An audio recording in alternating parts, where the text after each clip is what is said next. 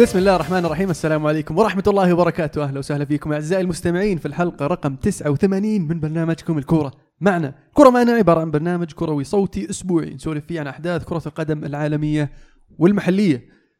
معنا اليوم عبد الله هلا والله بالشباب. في واحد وسهلا. فاقدينه من زمان. فعلا فعلا. في معنا اليوم ضيف جديد يباوي عبد العزيز. يا هلا وسهلا. الحمد لله السلامة. الله يسلمك. ويخليك. والله مشتاق لكم مشتاق للسولف معكم. وأحييكم على آخر كم حلقة صراحة كانت ممتعة لي أثناء السفر. آه، وإن شاء الله تحملوني كضيف جديد عليكم اليوم. لا لا ابدا. زيك زي أي ضيف ثاني نعطيك الحرية وال في, في, في النقاش وإبداء الرأي. الله يخليك. شكرا. تعودت هذا منكم صراحة. شكرا. حبيبي. آه نبغى نبدأ أول شيء في قرارات اللي صارت في الاتحاد السعودي. آه بعد تعيين تركي آل الشيخ في رئاسة رعاية الشباب. شفنا بعض التغيرات. أهمها بالنسبة لي اللي هو إقالة مارفيك وتعيين باوزا كمدرب المنتخب وإقالة آه طارق كيال من إدارة المنتخب وتعيين ماجد عبد الله وش رأيك عزيز بالتغير اللي, صار فجأة؟ شوف أنا ودي أتكلم والله عن تغيير المدرب. أشوف إنه قرار طبعا آه، يعني خلينا نقول آه، بالنسبة لي أقدر أشوفه من جهتين. من جهة ان فان مارفيك غلطان انه إنه ما يرضى يقعد في السعودية 24 يوم في السنة. هذه المطالبات اللي كانت من الاتحاد السعودي كما آه، نشر. وانه اعترض على تدخل ال- ال- الاتحاد في آه، في عمله من حيث إقالة المساعدين اللي هي إقالة زكي الصالح آه، وطارق كيال. فأنا ما أشوف إن هذا تدخل في مساعدين أشوف إن هذا تدخل في إدارة المنتخب اداريا وليس فنيا. فهنا أقدر أقدر ألوم فان مارفيك شوي على على قراره بأنه ما يكمل مع السعودية رغم إنه هو عارف إنه هو بنفسه قال المنتخب السعودي كانوا يبغوني استمر. من الجهة الأخرى آه لما مدرب يأهلك لكأس العالم بعد غياب نسختين سابقة آه وللأمانة في بداية التصفيات ما كنا متوقعين إن نقدر نتأهل كمركز ثاني كان أقصى طموحنا يمكن الثالث ون- ونلعب الملحق ونتأهل لما يستطيع يسوي هذا الشيء بالعناصر اللي استخدمها يجب أن تؤمن فيه. ما لك إلا تقول هذا سو... أدى الهدف أدى اللي مطلوب منه فأنا لازم احترمه واستمر معه لأنه هو عارف إيش قاعد يسوي خلاص. فعلا أهلنا على حساب أفضل منتخبين في القارة حاليا اليابان وأستراليا يعني على الأقل يعني هم ينافسون تحالنا على حساب أستراليا فعلا لكن في مجموعتنا كان أفضل منتخبين في ال- في القارة حاليا وقدرنا نتأهل مباشرة. فهذا شيء يحسب له برضو. ال- اللي اللي أبغى اضيفه برضو إنه يعني إقالة طارق كيال ما كان ما كان في وجهة نظري لها أي داعي لأن طارق كيال إداري ممتاز وأثبت نفسه مع الأهلي آه، في موسمين سابقين آه، وشفنا ت- تأث- تأثير غيابه على الأهلي وشفنا تأثير وجوده برضو على في المنتخب. آه، لما لما كان في المنتخب شفنا كيف إن آه، ال- ال- ال- ال- الاشياء المشاكل اللي كانت تصير مسبقا من بينها اللي صارت في آه، في التصفيات الأولية هروب بعض اللعيبة أثناء أثناء منع ال- ال- الخروج وغير وغير ذلك من الأشياء. شفنا ال- ال- ال- المنتخب يلعب بطريقة آه، أو عفوا ال- ال- المنتخب أو لعيبة المنتخب آه، نظاميين يمشون باحترافية تامة وبالعكس الأجواء جميلة. وهذا كله يعني في رأيي طارق كيال كان له دور كبير فيها. فالفكرة إنك تشيل واحد ناجح وماشي شغلة عشان تحط ماجد عبد الله ما أفهمها أنا. يعني أوكي ماجد عبد الله لاعب كبير وله خبرة آه، في في كرة القدم لكن أنت ما جبته كفني في المنتخب أنت جبته كإداري. فتحتاج واحد عنده خلفية اداريا في إدارة بعض الأمور آه، اللي اللي على ما اللي يتهيأ لي انه ت- تغيب عن ماجد عبد الله آه، ماجد عبد الله ما له ما كان له دور إداري مسبقا حتى في النصر لو شفنا النصر مثلا. ما ما مسك منصب زي كذا. ورايح مقبل على كأس العالم بطولة من زمان ما شاركنا فيها ونبحث أن نشارك فيها مشاركة آه، فعالة وليس مشاركة لمجرد المشاركة. فليش تسوي عدم الاستقرار هذا آه، في في وقت حرج في وقت يعني المنتخب قاعد يسوي كويس. وفي رأيي انه فعلا مارفيك مع الحق فإنه يزعل أو يتضايق إن إدارة ال- ال- الاتحاد السعودي تدخلت في هذا الشأن لأنه هو اداريا ماشي أموره وطارق كيال مسهل أموره. فليش تشيله وتجيب واحد ثاني؟ فأنت كذا حتى ما ما أتوقع إنه مشاور مارفيك ابدا عشان ياخذون القرار هذا. فما اسمح لي أقاطعك المهند لكن إدارة المنتخب السعودي لاحظت أتوقع خلال الفترة الماضية نزول أداء المنتخب في آخر كم من مباراة، خسرنا ضد الإمارات مباراة مصيرية ما كان المفروض نخسرها على الرغم من فوزنا على اليابان في المباراة الأخيرة لكن أنا حتى بالنسبة لي المستوى لم يكن بالمقنع. ولو بنلعب بنفس الأسلوب في كأس العالم أنا أتوقع يعني خروجنا بتاريخيات من كأس العالم وما أتوقع انها راح تكون ذاك المشاركة الإيجابية، قد تكون هذا الشيء اللي كانوا قاعدين يحاولون يسوونه تغيير جذري من ناحية الإدارة اللي موجودة في الفريق على أساس إنه آه، يتغير أسلوب إدارة الفريق في الفترة القادمة، أنا أذكركم كأس العالم 94 آه، المنتخب السعودي لما تأهل كأس العالم 94 آه، تمت إقالة المدرب. أنا ما أتذكر ما يحضرني اسم المدرب. وتم على إثره حتى منع المنتخب السعودي من التعاقد مع مدربين. وفعلا هذا اللي صار لما قبل كأس العالم بأسبوعين أو ثلاث أسابيع طبعا هذا الكلام خلينا نقول اللي تحت تحت الرادار انه بوساطة من الملك فهد ذاك الوقت الله يرحمه مع رئيس الأرجنتين إذا ما كنت غلطان. تم تعيين مدرب مو حتى official ولا هو برسمي. آه عينوه قبل كأس العالم ثلاث اسابيع أو أربع اسابيع درب المنتخب خلال المعسكر. وفعلا رسم لهم النهج التكتيكي وكل شيء اللي كان راح نلعب عليه ونزلنا في كأس العالم بمدرب غير اللي اللي دربنا في التصفيات. وكانت أفضل مشاركة لنا خلال تاريخنا في كأس العالم. ف أنا متفائل خير إن شاء الله. آه، أتوقع إن باوزا راح يلعب بأسلوب دفاعي أكثر من فان مارفيك. وهو الشيء اللي نحتاجه. نحتاج واحد فعلا يعرف يصف الفريق دفاعيا يعرف يخلينا نلعب ضد الفرق الكبيرة اللي ممكن إحنا نطيح مع واحد منها أو اثنين أو حتى ثلاثة في القرعة المقبلة اللي راح تصير في ديسمبر. آه، من ناحية طريقة اللعب أنا أشوف المنتخب كان يلعب بطريقة منظمة. جميلة بصراحة. وكان يعتمد على استحواذ الكرة وتمرير المناولات القصيرة. وكان كان بالعكس قدر يطبق شيء ما قدر يطبقه اللي هو آه، ريكارد في فترة سابقة. آه، ريكارد قاعد يحاول يسوي شيء أكثر آه، تعقيد أو يعني يحتاج اللي قاعد يطبقه إلى نوعية من اللعيبة آه، ما تلقاهم عندنا في السعودية سواء من آه، من موهبة أو من خبرة أو من آه، احتكاك. فقدر مرفيك يطبق طريقه مشابهة وقدر يوصل بذلك إلى الهدف المبتغى اللي هو تأهل كأس العالم.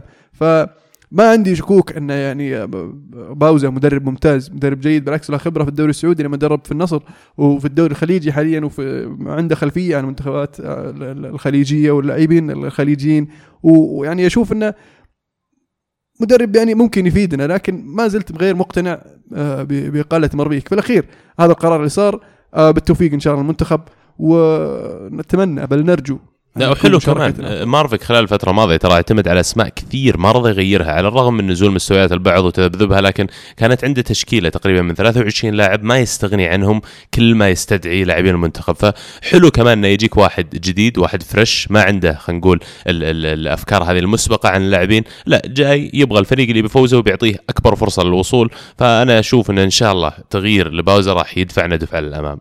طيب إيش رأيك تعيين مجد عبد الله؟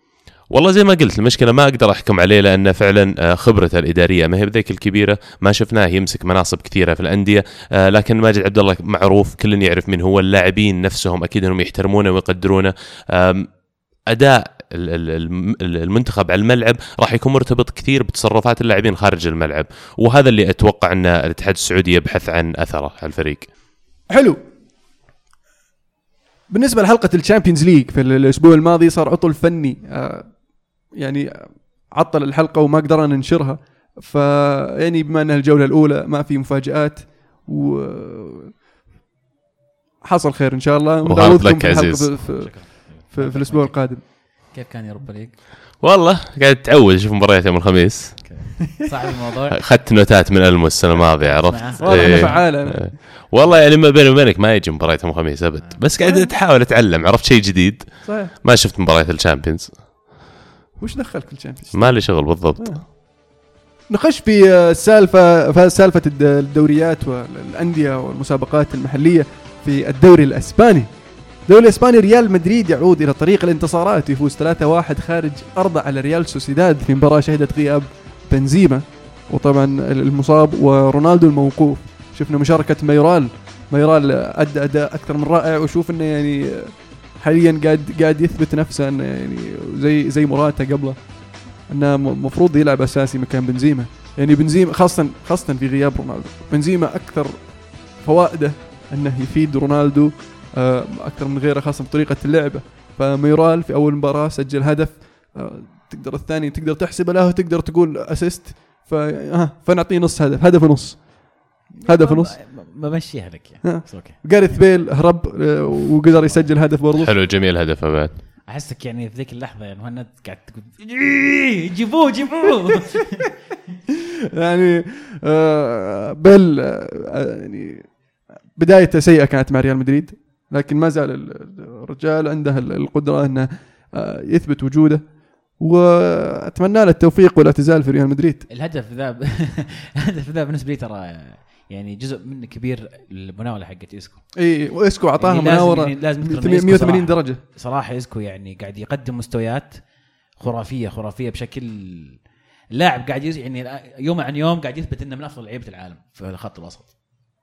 ولو تشوف اللاعبين اللي يعني مدريد تعاقدوا معهم كلهم رخاص عرفتوا قاعدين يسوون لهم الفرق هذا. المباراة هذه مدريد كان لازم يفوز ما عنده خيار غير الفوز لأنه حاليا على الرغم من انه فاز فهو موجود في المركز الرابع في ترتيب الدوري الاسباني يعني آم، برشلونة already هرب كمان مثل بيل في المركز الأول. فالضروري عليهم إنهم يبقون الضغط عليهم ويبدون يلتقطون نقاط من جديد. على طاري برشلونة برشلونة قدر يقلب الطاولة على ختافي ويسجل هدف الفوز في آخر عشر دقائق أو خلينا نقول يعني تقريبا آخر خمس دقائق بأقدام باولينيو البرازيلي الوافد الجديد في أول مشاركة له يدخل ويسجل هدف. يعني شفنا ال- ال- ال- اللعيبة البدلاء في برشلونة هم اللي يسوون الفرق. دينيس سواريز دخل سجل الهدف الأول هدف التعادل ثم بعدها آه، باولينيو ب- آه، بهدف الفوز. آه، وقدر يستمر برشلونة في الحفاظ على ال perfect run خلينا نقول البداية المثالية وحصد النقاط. مسكين يا أخي باولينيو يعني من أول ما أعلنوا عن الصفقة وجو يقدمونه في الكامب نو والجماهير يعني يقولون boo في الملعب في وقت التقديم. وانضغط المسكين ولما جاء يطقطق بالكورة يستعرض قدام الجمهور كمان طاحت الكورة منه. فبدايته ما كانت يعني خلينا نقول ال- ال- الجمهور متقبلة كثير لكن هو قال إن أنا في هذا العمر أنا فعلا بروفيشنال وأنا عارف كيف إني أركز على أدائي في الملعب وأركز على مساعدة برشلونة بدل ما إني ألتفت للهتافات هذه اللي ضدي. وزي ما قلت حسم مباراة الآن لهم وقد يكون اللاعب اللي ما حد توقع إنه راح يسوي ذاك الفرق بالنسبة لبرشلونة لكن ممكن يصنع لهم فرق. فعلا لانهم زاد زاد لهم الخيارات في خط الوسط. آه، دينيس سواريز لاعب كويس لكنه آه، مو هو بقادر إنه يعني ياخذ مكان آه، إنيستا. ونفس الشيء جوميز لاعب ممتاز لكنه مو بقادر إنه في المرحلة هذه إنه يوصل لمرحلة إنه يغطي مكان راكيتيتش. لكن مع وجود دينيس سواريز وجوميز وباولينيو في خط ال- ال- الوسط. فأشوف أن برشلونة عندهم صار عندهم خيارات متنوعة في خط الوسط أفضل من الموسم الماضي. والسؤال المهم طيب جدد ميسي وإنيستا ولا لسه؟ في كلام متباين كثير يعني. هو ال ال الواقع والحقيقة أنهم ما جددوا.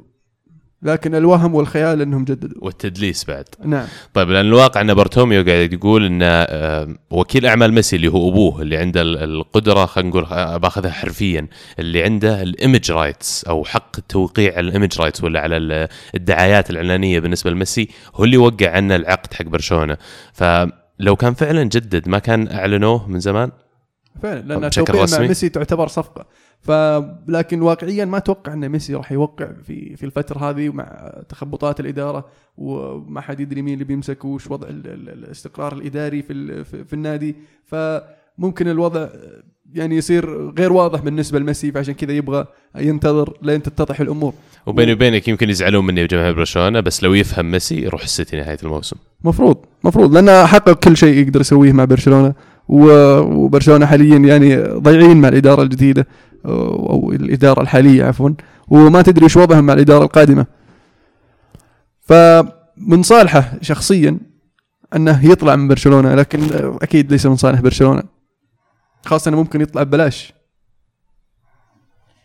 أنا أختلف معك صراحة. أنا أشوف إن شو المشكلة؟ تقعد طول عمرك مع نادي واحد.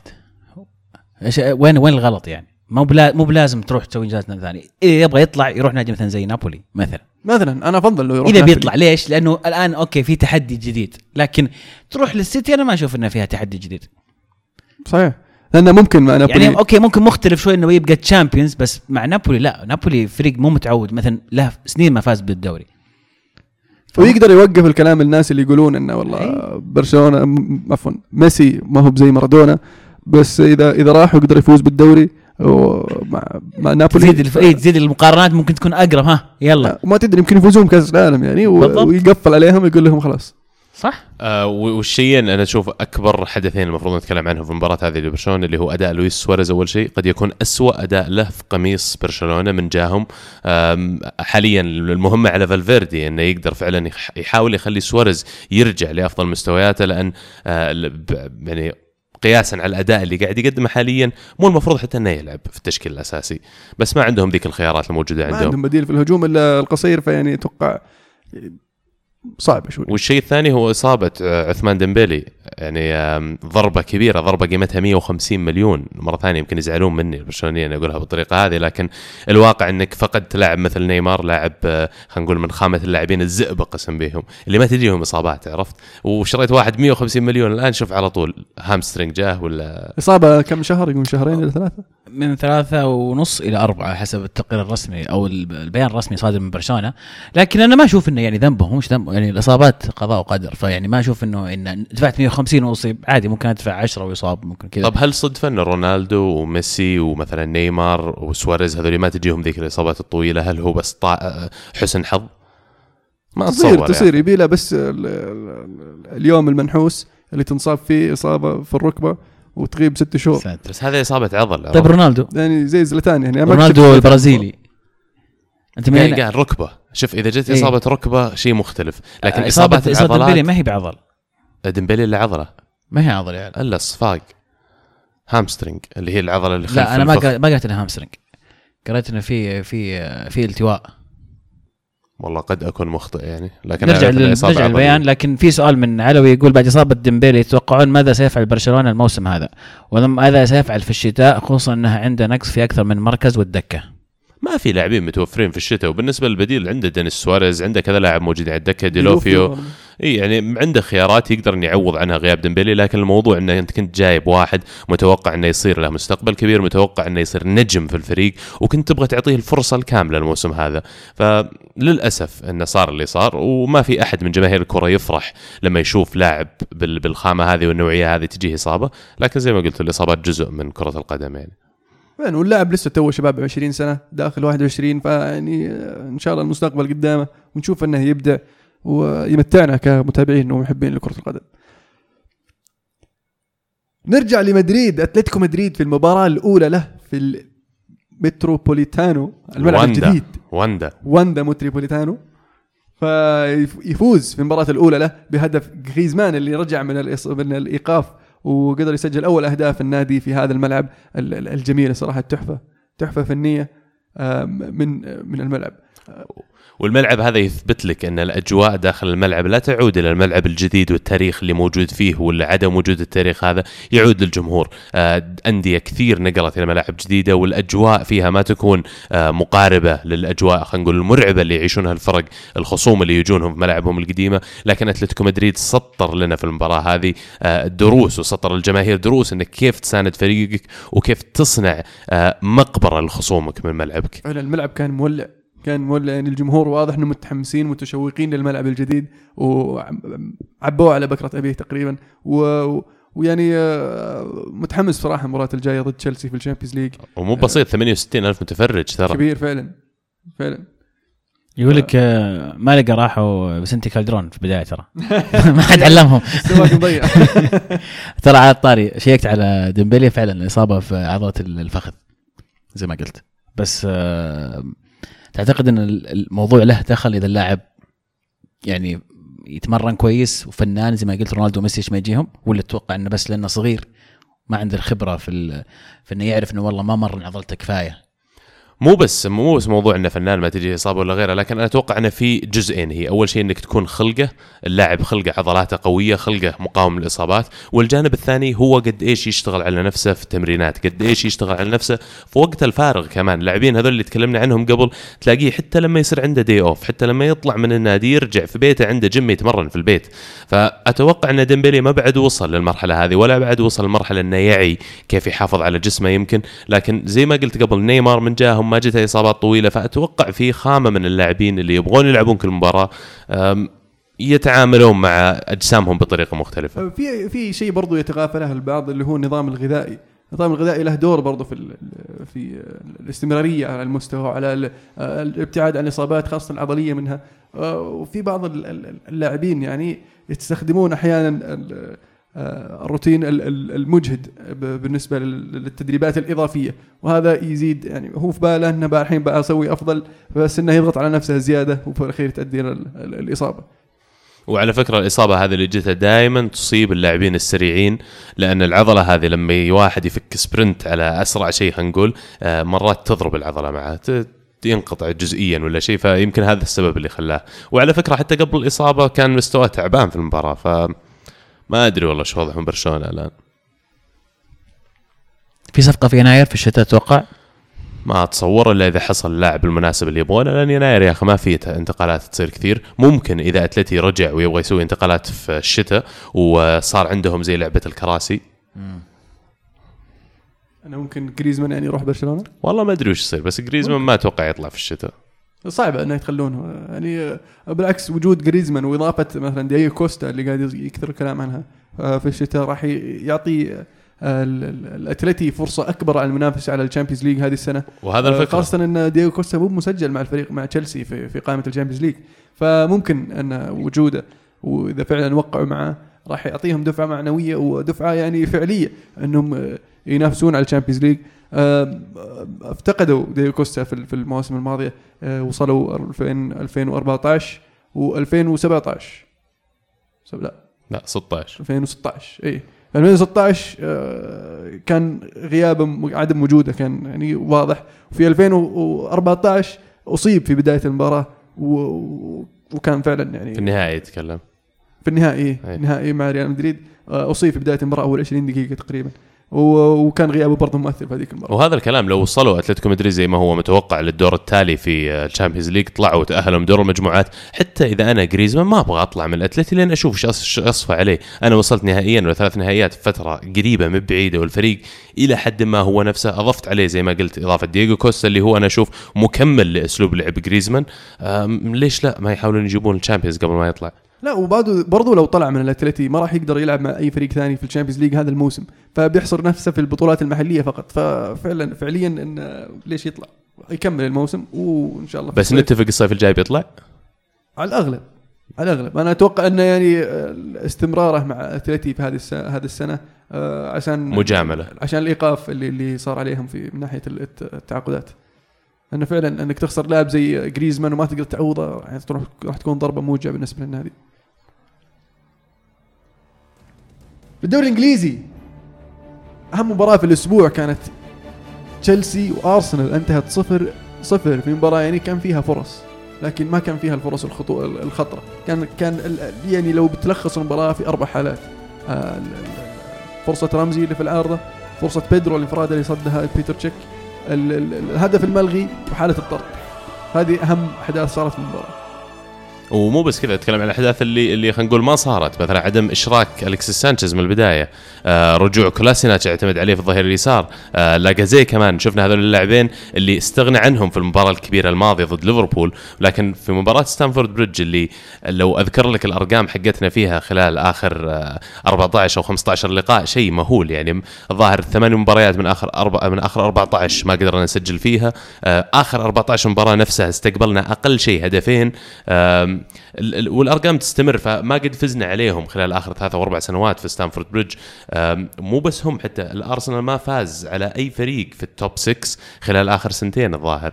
ف خارج- خارج ملعبه. إيه. اي خارج ملعبه. فكانت كل شيء يشير إلى أن المباراة راح تكون ضد الأرسنال وفعلا في البداية كانت بداية مهزوزة على الأرسنال وتوقع لنا بيصير نفس الشيء آه، نفس اللي كنا نشوفه في المباريات السابقة. لكن آه، فينجر أثبت لي في المباراة هذه إنه كان عارف إيش قاعد يسوي يوم ما أشرك آه، الكسيس سانشيز وبداله حط ويلبك اللي كان عنده مجهود كبير على الجناح دفاعيا. وكولاسيناتش يعني الصراحه أنا أشوفه واحد من أفضل الانتقالات الصيفية اللي تمت في الدوري الإنجليزي. فعلا. هو وماتيتش يمكن أحط الاثنين هذولي. باكيوكو برضه ال- ال- بالنسبة بالنسبة للكولاسينيتش أنا أشوف إنه من أفضل الصفقات فعلا لأنه ضاف ضاف يضيف الصلابة في في خط الدفاع والقوة البدنية بالنسبة لفريق أرسنال. وأرسنال في هذه المباراة فعلا كان أفضل آه، في معظم أنحاء المباراة آه، من تشيلسي. وإنك تطلع بالتعادل أشوف إنه بالعكس بالنسبة لأرسنال شيء أفضل من رائع آه، خاصة إنه آه، لسه بداية الدوري مباراة خارج أرضك ضد تشيلسي وحكم بحكم المباريات السابقة في ستامفورد بريدج فإنها نتيجة رائعة وأشوف إن الأرسنال هو الكسبان. جون أرسنال يقول عودة جميلة لالكسيس أتمنى انه يستمر أن يستمر. فرص فوزنا بالدوري بتتضاعف إذا رجع سانشيز الموسم الماضي وأوزيل الموسم اللي قبل الماضي. هذه المباراة فعلا ما لعب فيها لا اوزل ولا سانشيز، عندك لاعبين بتنتهي عقودهم في الصيف. أحد أكبر لاعبين موجودين في النادي وما لعبت فيهم وفعلا خرجت بنتيجة ما ودي أقول إيجابية لأن صفر صفر ما هو بالطموح يعني لكن نتيجة أفضل من المتوقع على ملعب تشيلسي.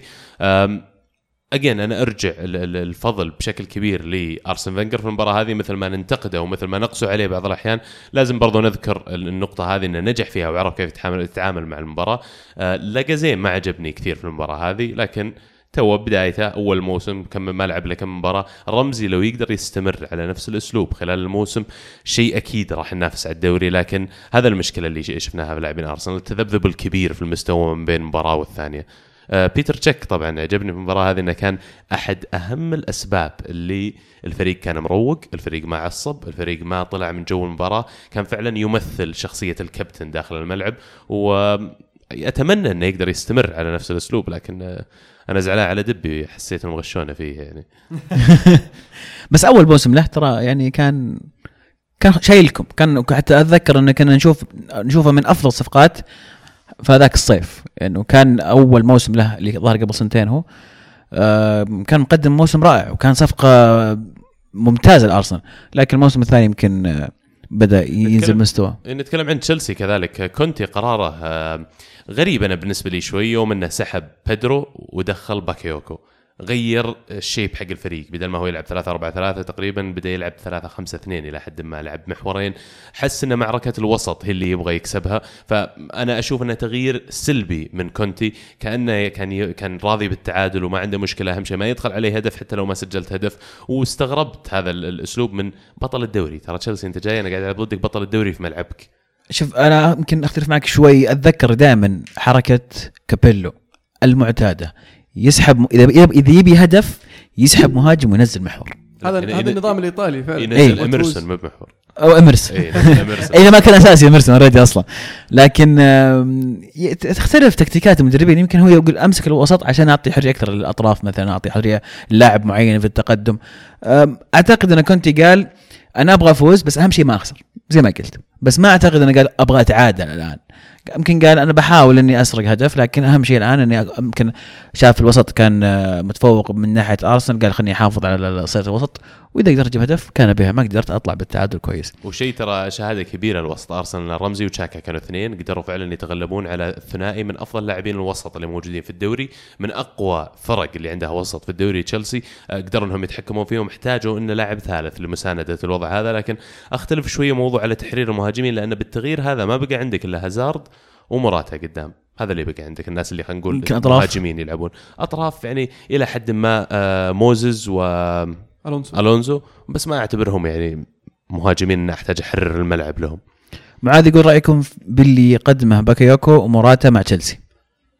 بكيوكو بصراحه اللي قاعد يقدمه شيء آه ممتاز. أنا زي ما تعرفون كنت قاعد أصوت في الموسم الماضي ان, نجيب بكيوكو اليونايتد لكن آه جبنا ماتيتش وكان صفقة ممتازة وبكيوكو قاعد يعني يغطي هذا المركز حق آه ماتيتش. لكن اللاعب يحتاج له شوية وقت عشان يتأقلم مع الفريق ويبدأ آه فعليا تشوفه يلعب كأساسي وتشوفه آه يأثر فعليا على الفريق. آه بالنسبة لمراتا يعني ما يحتاج من أول ما بدأ وهو قاعد يهدف. لكن في المباراة هذه آه أرسنال قدر قدر يخفي خطورته آه وقدر يعني آه يغطي عليه المساحات اللي يبحث عنها. مانشستر سيتي يجلد واتفورد 6 0 في ملعب واتفورد. يعني واتفورد من من آه، من الموسم الماضي هو يعني ممتاز على أرضه ونتائجه أفضلها على أرضه ومع المدرب الجديد ماركو سيلفا مدرب يعني آه، نوعا ما دفاعي أهم شيء عنده الخطوط الدفاعية ويحاول يفوز على الأقل 1-0 آه، أنه ينجلد من من السيتي كان يعني السيتي داخل 4 4 2 بطريقه ال diamond محور واحد وجناحين وخلف المهاجم عنده مهاجمين يعني زي اجويرو وخيسوس يعني طيارات الفريق كان.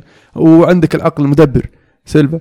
ف ما يعني ما أدري وش أقول قوي. فريق بال فريق مرة ممتاز. قوي. إيه. بال يعني ال quality والنوعية اللي موجودة بالذات تتكلم عن خمسة ستة سبع لاعبين اللي موجودين قدام شيء غير معقول فعلا فترة انتقالات صيفية جابت اكلها بالنسبة لمانشستر سيتي آه، المهاجمين كمان عندهم جيسوس واجويرو كل واحد يقول الزود عندي من ناحية تسجيل الأهداف وكل واحد يتنافس مع الثاني على تسجيل الأهداف وكذلك يسوي assist اجويرو بدأ يرجع يحصل أفضل مستوياته بدأ يلقى له مكان في الفريق وقادر فعلا إنه يقود خط الهجوم اليوم بيب جوارديولا ما يقدر يستغني عن أجويرو. لو تذكرون الموسم الماضي جلس فترات كثيرة على الدكة لكن أحييه. شوف هذا هذه علامة اللاعب الكبير. حتى لما جلس على الدكة قاتل ورجع وضمن مكانه وبدأ يسجل. هاتريك في المباراة يستاهل man of the match فعلا. آه هدف خيسوس كان تسلل. آه أنا طبعا أحتج على هذا الشيء لحال لحالتين. أول شيء اني طلعته من ال fantasy ثم بدأ يسجل. آه ثاني شيء إن الهدف هذا اللي سجله بالتسلل. يخلي آه، يخليهم ينافسون على الصدارة بنفس فرق الأهداف نفس عدد الأهداف نفس ال- الأهداف اللي استقبلت. نعم والخيارات اللي عندهم كذلك بالنسبة لصناع اللعب مخيفة يعني عندك دي بروين عندك سيلفا يلعبون في نفس المركز برناردو سيلفا كذلك ممكن يلعب في نفس المركز عندك ساني اللي يلعب جناح أقدر ألعبه كمان صانع ألعاب في نفس المركز والأربعة اللي ذكرتهم هذولي كلهم يبدون يلعبون أجنحة وعلى الاطراف وفي نفس المركز يعني شيء شيء هبال عندهم. استهبال ال- فعلا. المهاجمين اثنين اجويرو وجيسوس يقدرون يلعبون على الاطراف كمان يقدرون يلعبون كصانع لعب كمان. هذه كلها قاعد يعطي فلكسبيتي وزي ما تقول مرونة كبيرة بالنسبة لجارديولا إنه يلعب بالخطة اللي يبغاها يلعب بالمرونه اللي يبغاها يقدر يخلي جميع اللاعبين يدورون يغيرون اثناء مراكزهم. اثناء المباراة أثناء المباراة. شوف اللي اللي على اليمين يروح يسار على اليسار يروح يمين بدون ما يتأثر الفريق لأن كل ممكن يلعب في كل مكان مم. وكل ممكن يأثر نفس التاثير في كل مكان. وكل ممكن يسجل هدف وكل ممكن يصلح هدف. يعني ما عنده مشكلة. حط لهم فرناندينو محور. قال أنتم يا الخمسة تفاهموا مع بعضكم قدام. ففعلا يعني حتى طريقة بيب آه، تسمح له آه، بأنه يسوي الأشياء هذه أنه يعطي الحرية للعيبة أنهم يتحركون آه، بحرية أثناء داخل الملعب اللي يروح يمين واللي يروح يسار هذا يرجع هنا يبدل مع هذا. هذه طبعا تخ... تلخم الدفاع ترى. لما. الدفاع يكون صاف ويقول للمدرب أمسك فلان ثم فلان يروح هناك أنت إيش تسوي؟ الحين تلحق ذاك ولا تمسك ذا اللي من هنا؟ وهذا الفكرة بيب كان يطبق كثير مبدأ ال false nine ولا رقم تسعة الوهمي اللي يرجع من مركز المهاجم إلى خط الوسط يسحب معاه مدافع مدافعين ويخلق مساحة للاعبين القادمين من الخلف. الآن طبق مبدأ ال false ولا الوهمي على جميع المراكز. false سبعة false ثمانية false عشرة false تسعة. كل اللاعبين اللي أربع خمس لاعبين اللي قدام ما حد فيهم ملتزم بالمركز. كل واحد يسحب مدافعين الفريق اللي ضده. وكونهم على نوعية عالية و- ويعني يفهمون في كرة القدم كلهم يسمح لهم انه فعلا يتبادلون المراكز بال- بالأسلوب والمرونة اللي قاعدين يسوونه. وراح يشكلون صداع كبير لأي خط دفاع يلعبون ضده. أستاذ زناوي من النخاع يقول والله احترت منه ميسي فريقنا مرة أقول دي بروين ومرة أقول أجويرو ومرة أقول سيلفا. نحن في زحام من من النعم بفضل الله. ثم خالد خليفة. والله معلومة فعلا يستاهلون على اللي سووه ولكن أقول لك من ميسي فريقك على الرغم من إني أرسنالي لكن إن شاء الله بتشوف الصيف الجاي ميسي يلعب في فريقك. ما أتوقع. والله بصراحة ودي أشوف ميسي أنا والله ودي بعد. فعلا يا أخي. شيء شيء جميل. ليفربول يتعادل واحد واحد ضد بيرنلي في الأنفيلد التعادل الثاني على التوالي آه، بعد التعادل في ال Champions League 2 2 ضد آه، اشبيليا يتعادل واحد واحد ضد بيرنلي وأتوقع كل آه، كل مباراة توضح عن المباراة اللي قبلها كيف آه، الدفاع ليفربول قاعد يضيعهم. يعني لو شفت الهدف هدف ليفربول هدف عفوا بيرنلي كيف دخل آه، كلافان ما ادري إيش قاعد يسوي. عرضية من اللي من اليسار ماتيب كان قاعد يحاول يغطي المهاجم. آه، كلافان جاء معاه يغطي المهاجم نفس المهاجم وترك خانته مفتوحة. فصار في في مسافة كبيرة بين المدافعين والظهير اليسار. وطبعا جاء ال- ال- اللاعب البرناوي من ورا استلم الكرة حطها في الجول بدون بدون أي قروشة. آه ليفربول يحتاج إلى لاعب يقدر لاعب قائد في خط الوسط خط الدفاع عفوا إنه يقدر يصف اللعيبة اللي حوله. متيب مدافع رائع لكنه تفقد يفقد شوي من القيادية في خط ال- الدفاع. آه ليفرون آه مدافع جيد بالنسبة لفريق متوسط. آه بالنسبة لليفربول ممكن يفيدهم كلاعب احتياطي يتم تدويره لكن صعبة إذا إذا لوفرين هو المدافع الأساسي حقك مع متيب والاحتياط حقك كلافان. بس لوفرن ما لعب ترى في المباراة ما لعب هذه. إيه؟ يعني أنا أقول إن يعني مدافعك هذا اللي هو أفضل من كلافان يعني حتى مو بكويس. مو بكويس الفريق يبغى ينافس على على الدوري يبغى ينافس على ال Champions League ف حتى كلافان اي فعلا. اي هذا هو. فيعني اذا إذا لوفرين أحسن من كلافان فيعني حدث ولا حرج. والمباراة هذه كمان شهدت عودة كوتينيو للتشكيل الأساسي في ليفربول وما قدر إنه فعلا يصنع ذاك الفرق يمكن عشان عدم جاهزيته بشكل كبير. كلوب بدأ هذه المباراة بسبع تغييرات عن المباراة اللي لعب فيها ضد إشبيليا في ال Champions League.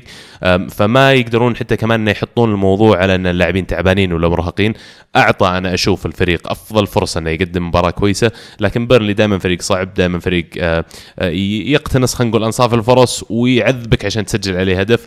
آه، غياب ماني غياب ماني يمكن هو النقطة الأساسية اللي راح يعاني منها ليفربول. ذكرتها قبل ذكرتها الحلقة اللي راحت وذكرتها الموسم الماضي إن إن ماني فعلا من أهم اللعيبة في في في ليفربول. يعني ليفربول تقريبا صار عندهم كان عندهم فوق ال 30 محاولة في المباراة هذه. إيه، ما ما قدروا يجيبون له هدف واحد. إيه، ضغطوا وجربوا كل شيء. كوتينو حاول في اخت- يعني اختلاق الفرص ما قصر لكن في التسديد كان عنده برغي يبي له شد شوي. أغلب كورة تروح الصف الثاني من المدرجات؟ ف آه، صلاح عنده فرصة ترى أنه يلعب دور ماني لأنه قاعد يقدم أداء كبير جدا وكان ممكن ومو ممكن بس المفروض كان جاه بلنتي على إعاقة في آخر المباراة تقريبا. لكن هذا حال الدنيا ما قرار ما يجي لك مو المفروض إنك تعلق عليه شماعة الخسارة ولا ولا التعادل.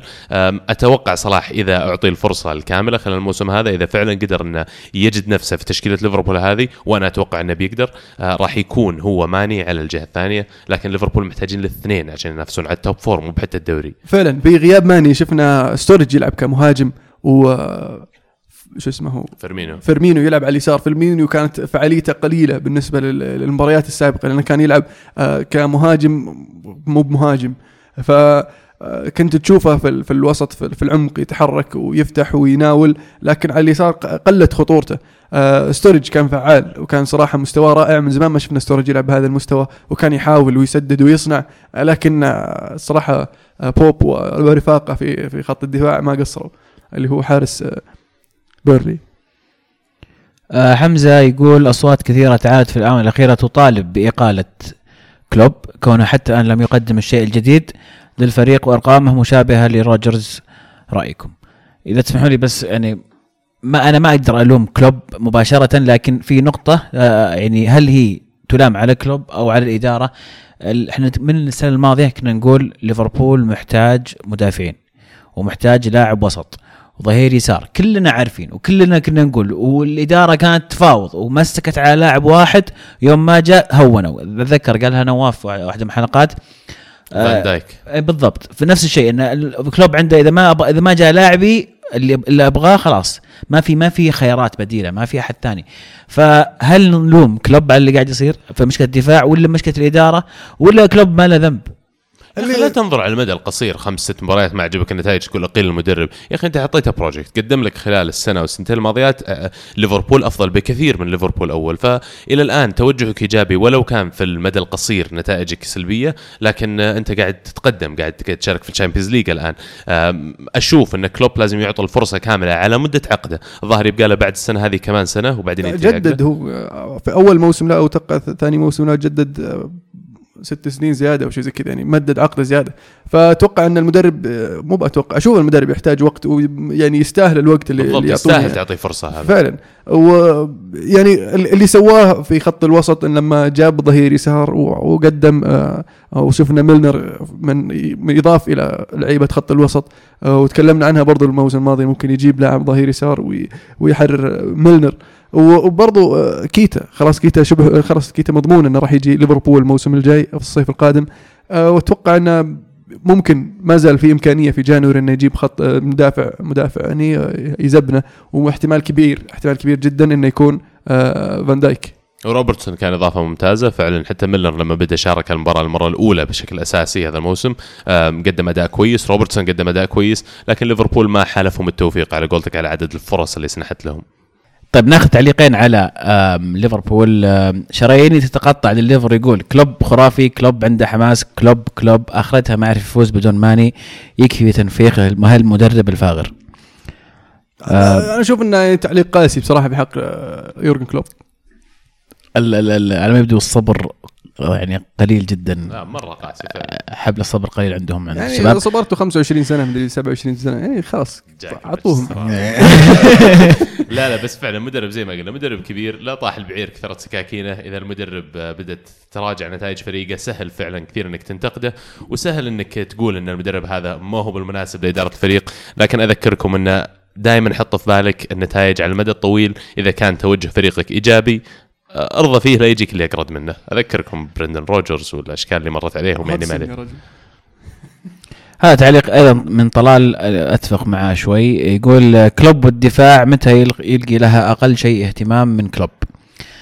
آه، أنا ألوم كلوب على مشكلة الدفاع لأنه يعني القرار أعتقد كان بيده ولا جاب مدافع. ولا تصرف. قلت لك سهل إنك تنتقد القرارات اللي ما تعجبك سهل إنك تنتقد إنهم ما شروا لاعب لكن في الأخير الاستثمار الجيد لأموال النادي هو اللي راح يضمن الاستمراريه على المدى الطويل وأتوقع إنه شيء إيجابي إنهم ما جابوا إلا ال target اللي كان في بالهم أو غير مستعدين يجيبون واحد ما راح يستفيدون منه. جميل. مانشستر يونايتد يفوز 4-0 على إيفرتون في الأولد ترافورد. في مباراة يعني آه، بدأت في الدقيقة أربعة بهدف يعني خرافي من فالنسيا. كان هدف مفاجئ آه، ل- لي أنا شخصيا وللجمهور ولإيفرتون ولاعيبه إيفرتون والحارس بيكفورد. مسكين انلخم من التسديدة. آه، لكن اعطت الفريق دفعة آه، لأنه يلعب باريحيه في الشوط الأول. آه، أول 20 دقيقة كان إيفرتون مو بعارف يلعب ومتقروش شوي نوعا ما خاصة لخمهم الهدف. لكن بعد ذلك شفنا إيفرتون قدر قدر يمسك الكورة قدر يحاول يسوي خطورة. دخل في الشوط الثاني إيفرتون بطريقة أفضل كان عندهم فرص أكبر. آه، روني جته فرصة خطيرة قدام المرمى آه، تصدى لها دخية ثم بعدها جاء آه، سيجرتسون وفرصة برضه خطيرة قدام المرمى. آه، لكن آه، بعد بعد خروج وين روني في الدقيقة 80 تقريبا ودخول أندر إيريرا. أندر إيريرا اللي سواه إنه قدر يحافظ على التوازن في خط الوسط آه، وأعطى حرية آه، للي في قدام اللي هم آه، لوكاكو و آه، مخيتريان. آه، شفنا الهدف الثاني يدخل من آه، مخيتريان ثم دخل مارتيال. مارتيال آه، آه، ساعد في في في آه، في الهجمة المرتدة وقدر يج- يجيب ال- ال- البلنتي اللي جاء من الهدف الرابع. لوكاكو سجل هدف آه، بين الهدفين في تقريبا سبع دقائق عشر دقائق. سجل يونايتد ثلاث أهداف في آخر عشر دقائق. فوز جميل. طبعا قبل المباراة بعد مباراة السيتي آه، كان الفرق آه، فرق الأهداف آه، plus 14 زائد 14 بالنسبة لل- للسيتي وزائد 10 لليونايتد آه، كان في بالي إن نحتاج أربعة ضد إيفرتون ما تصير صعبة. فعلا صارت شيء جميل. وحاليا الصدارة معلقة في في مانشستر خلينا نقول. قبل ما نتكلم عن نقطة الصدارة المتعلقة في مانشستر نتكلم عن يونايتد. آه إدريس هساوي يقول وش رأيكم في المداورة اللي يسويها مورينيو بين راشفورد ومارسيال وهل هي مفيدة للتنافس بينهم أو مضرة لتطو- لتطورهم؟ لا بالعكس مفيدة لأن اللاعبين آه، متقاربين في السن وكلهم مهاجمين وقاعدين يحاولون ينافسون على المركز الجناح يسار على أساس انه يلقون فرصة إنهم يلعبون وفعلا التنافس بين اللاعبين في نفس العمر راح راح تشوف آه، تطور. وفعلا لما تشوف اللاعب اللاعب يبدأ أساسي آه، سواء سوى كويس بس ما قدر يسجل أو ما سوى كويس اللاعب اللي يدخل بداله على طول يسجل هدف لأنه يصير يبغى يثبت نفسه. فشفنا مارتيال شارك في الشامبيونز ليج ما ما سوى الفارق. دخل راشفورد سجل هدف. شفنا راشفورد يلعب أساسي ضد إيفرتون. كان أداء مهوب مهوب يعني زي المتوقع دخل مارتيال سجل هدف. فأتوقع في المباراة القادمة في في, في الليج كاب آه، مارتيال راح يبدأ أساسي. ممكن نشوف الاثنين يبدون سوا. حلو. آه حمزة يقول السيتي واليونايتد المرشحان الأكبر للدوري حاليا. الأرقام تضعهما في خانة واحدة. فما هي الفوارق اللي ستفصل بينهما مستقبلا؟ أتوقع التزام اليونايتد بالرسم التكتيكي عندهم مدرب مثل مورينيو ما يهمه إلا الفوز راح يحسم اللقب في الأخير بتوقعي يعني الشخصي لصالح مانشستر يونايتد لكن وجود كمية ال talent والموهبة اللي موجودة تحت يد جارديولا من ناحية اللاعبين المتوفرين بالنسبة له قد يعطي كمان دفعه للسيتي وأتوقع أن الصراع على الدوري راح يستمر إلى آخر جولتين أو ثلاث جولات بس بشكل بسيط يمكن أحط أفضلية شوي لمانشستر يونايتد ممكن أسأل ليش؟ قلت لك لأن عندهم مدرب مثل مورينيو ما يهمه إلا الفوز عنده آه، تشكيلة جميلة جدا. التعاقد مع ماتيتش بالتحديد يعني. في نهاية آه، فترة الانتقالات الصيفية أتوقع رجح كفة مانشستر يونايتد بشكل أو بآخر بالنسبة لي. جميل.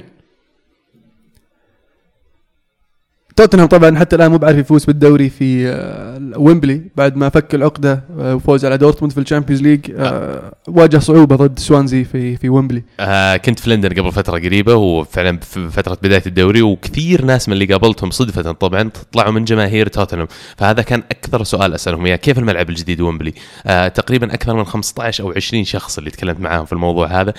كلهم بلا استثناء يسبون ويلعنون في الومبلي ويسبون ويلعنون كمان في الأجواء حقت الومبلي. ما ما, ما يمدحونها كثير يذمون أداء فريقهم وأداء جمهورهم كمان في الملعب هذا. يقولون نشعر كأننا نلعب بدون روح نشعر كأننا نلعب في ملعب مو هو بلنا. وفعلا يعني في في يعني حالات كثيرة تشوف الملعب شوي فاضي خاصه في آخر عشر دقائق إذا كان الفريق مو مؤدي كويس شوف ال- الجمهور يطلع. آه، في خانات في الملعب الملعب مو بقاعد يمتلي الملعب يشيل 90000 ويعني توتنهام آه، مو بقادر يعبي جمهور توتنهام مو قادر يعبي 90000 في كل أسبوع. في الدوري الإيطالي اليوفي يفوز 3-1 على ساسولو في ال ال ال ديبالا شو؟ خلينا نقول؟ ديبالا شو. ديبالا قاعد ينتشل اليوفي في المباريات الأخيرة. آه وقاعد يحصد الثلاث نقاط لليوفي على عكس التوقعات. كان الك- الكثير يتوقع مع وجود ال ال ال الأجنحة الجديدة وتألق ديبالا أن هيغوين راح يزيد معدل التهديفي لكن على ما يبدو أن الضغوط قاعدة تزيد على آه هيغوين والدفاع الدفاعات الأندية قاعدة تحاول تغطي على هيغوين ويطلع لهم ديبالا من, آه من تحت الأرض. آه مبسوط كثير باللي قدمه ديبالا. طبعا بداية رائعة للموسم ثمان أهداف في أول أربع مباريات. آه هاتريكين أول لاعب في تاريخ اليوفي يسجل في أول أربع مباريات من الدوري. يعني كثير تكلم إنه كيف الرقم 10 راح يكون ضغط على اللاعب. آه، العكس تماما اللاعب يعني ولا أثر فيه بالعكس رفع أكثر من من آه، من مستواه. آه، نحتاج ديبالا أكثر في مباريات كبيرة. الآن اللاعب ينزل وتحس إنه يبغى يشيل الفريق يبغى ينقذ الفريق يبغى يكون هو البطل. ونحتاج هذا الشيء رائع ونحتاج هذا الشيء في, ديبالا. لأنه الآن الفريق قاعد يتغير من من آه، يوفنتوس بوفون إلى مع الوقت راح يصير يوفنتوس ديبالا. فهو الآن قاعد ياخذ الحمل كله. آه، نحتاجه أكثر وأكثر ونحتاج منه أكثر. لأن أنا ظهوره في مباريات كبيرة مهم. آه، أنا ما ألومه على أي مباراة يعني مثلا ماضية. شفناه الموسم الماضي مباريات كبيرة لكن نحتاجها في كل مباراة كبيرة. عشان يثبت نفسه على مستوى اللعيبة من الدرجة الأولى مثلا تكلمنا عن رونالدو وميسي ونيمار عشان يوصل إلى هذه هذه المرحلة لازم يظهر في كل المباريات بما فيها الكبيرة. ومع وجود برناردسكي وديا كوستا مفروض يخففون الحمل شوي على على ديبالا. آه، واللاعبين توهم جداد ويحتاجون مع الوقت تدريجيا يدخلون لأجواء الفريق ويدخلون آه، آه، لمستوى ال- ال- الفريق. وإن شاء الله نشوفهم يعني يأدون أفضل. نطلع نتمنى منهم الأفضل بصراحة لأن اليوفي آه، نادي كبير و آه، يحتاج ال- ال- ال- ال- اللعيبة المؤثرين.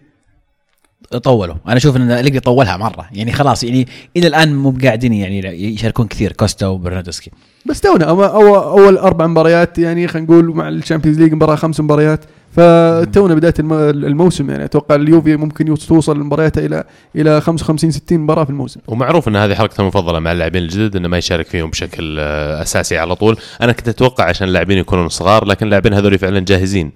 إلا ماتويدي. ما أدري ليش ماتويدي وصل الجمعة السبت أساسي. معليش بس إن اللاعب مثل ماتويدي مو ما, sorry نزل يعني ما سبت- تقدر ما تلعبه ماتويدي. لما يصير عندك كمدرب ما تقدر ما تلعبه. في الخانة حقته المجهود اللي يقدمه يعني ما أدري من اللي أنت شفته إلى الآن من مباريات اليوفي. أتوقع إنه يمكن أفضل انتقال صيفي. أفضل انتقال صيفي لأنه هو الوحيد اللي قاعد يلعب. للأمانة okay أنا مثلا دوجلاس كوستا رائع فنان يعني بس إنه إلى الآن زي ما قلت ما بعد يعني أحس إنه هو أفضل انتقال. ماتويدي يقدم مستويات رائعة بس أنا أستغرب إنه طب اعطي اعطيه فرصة أكثر اعطي برنارديسكي فرصة أطول. يعني كوستا لاعب أساسي قدام برشلونة في مباراة تشامبيونز بس لأن كوادرادو موقوف من الطرد في النهائي الموسم الماضي. ولا أعتقد لو كوادرادو موجود كان لاعب أساسي كوادرادو. بس فعلا ماتويدي الآن هو أفضل صفقة. نابولي نابولي في الصدارة وكل الأندية بعده يفوز 6 0 على الوافد الجديد اللي اسمه بينيفنتو. كالتشيو صح؟ إيه. هو- آه نابولي أكثر نادي في الدوريات الخمس الكبرى تسجيل أهداف حتى الآن. حتى أكثر من السيتي.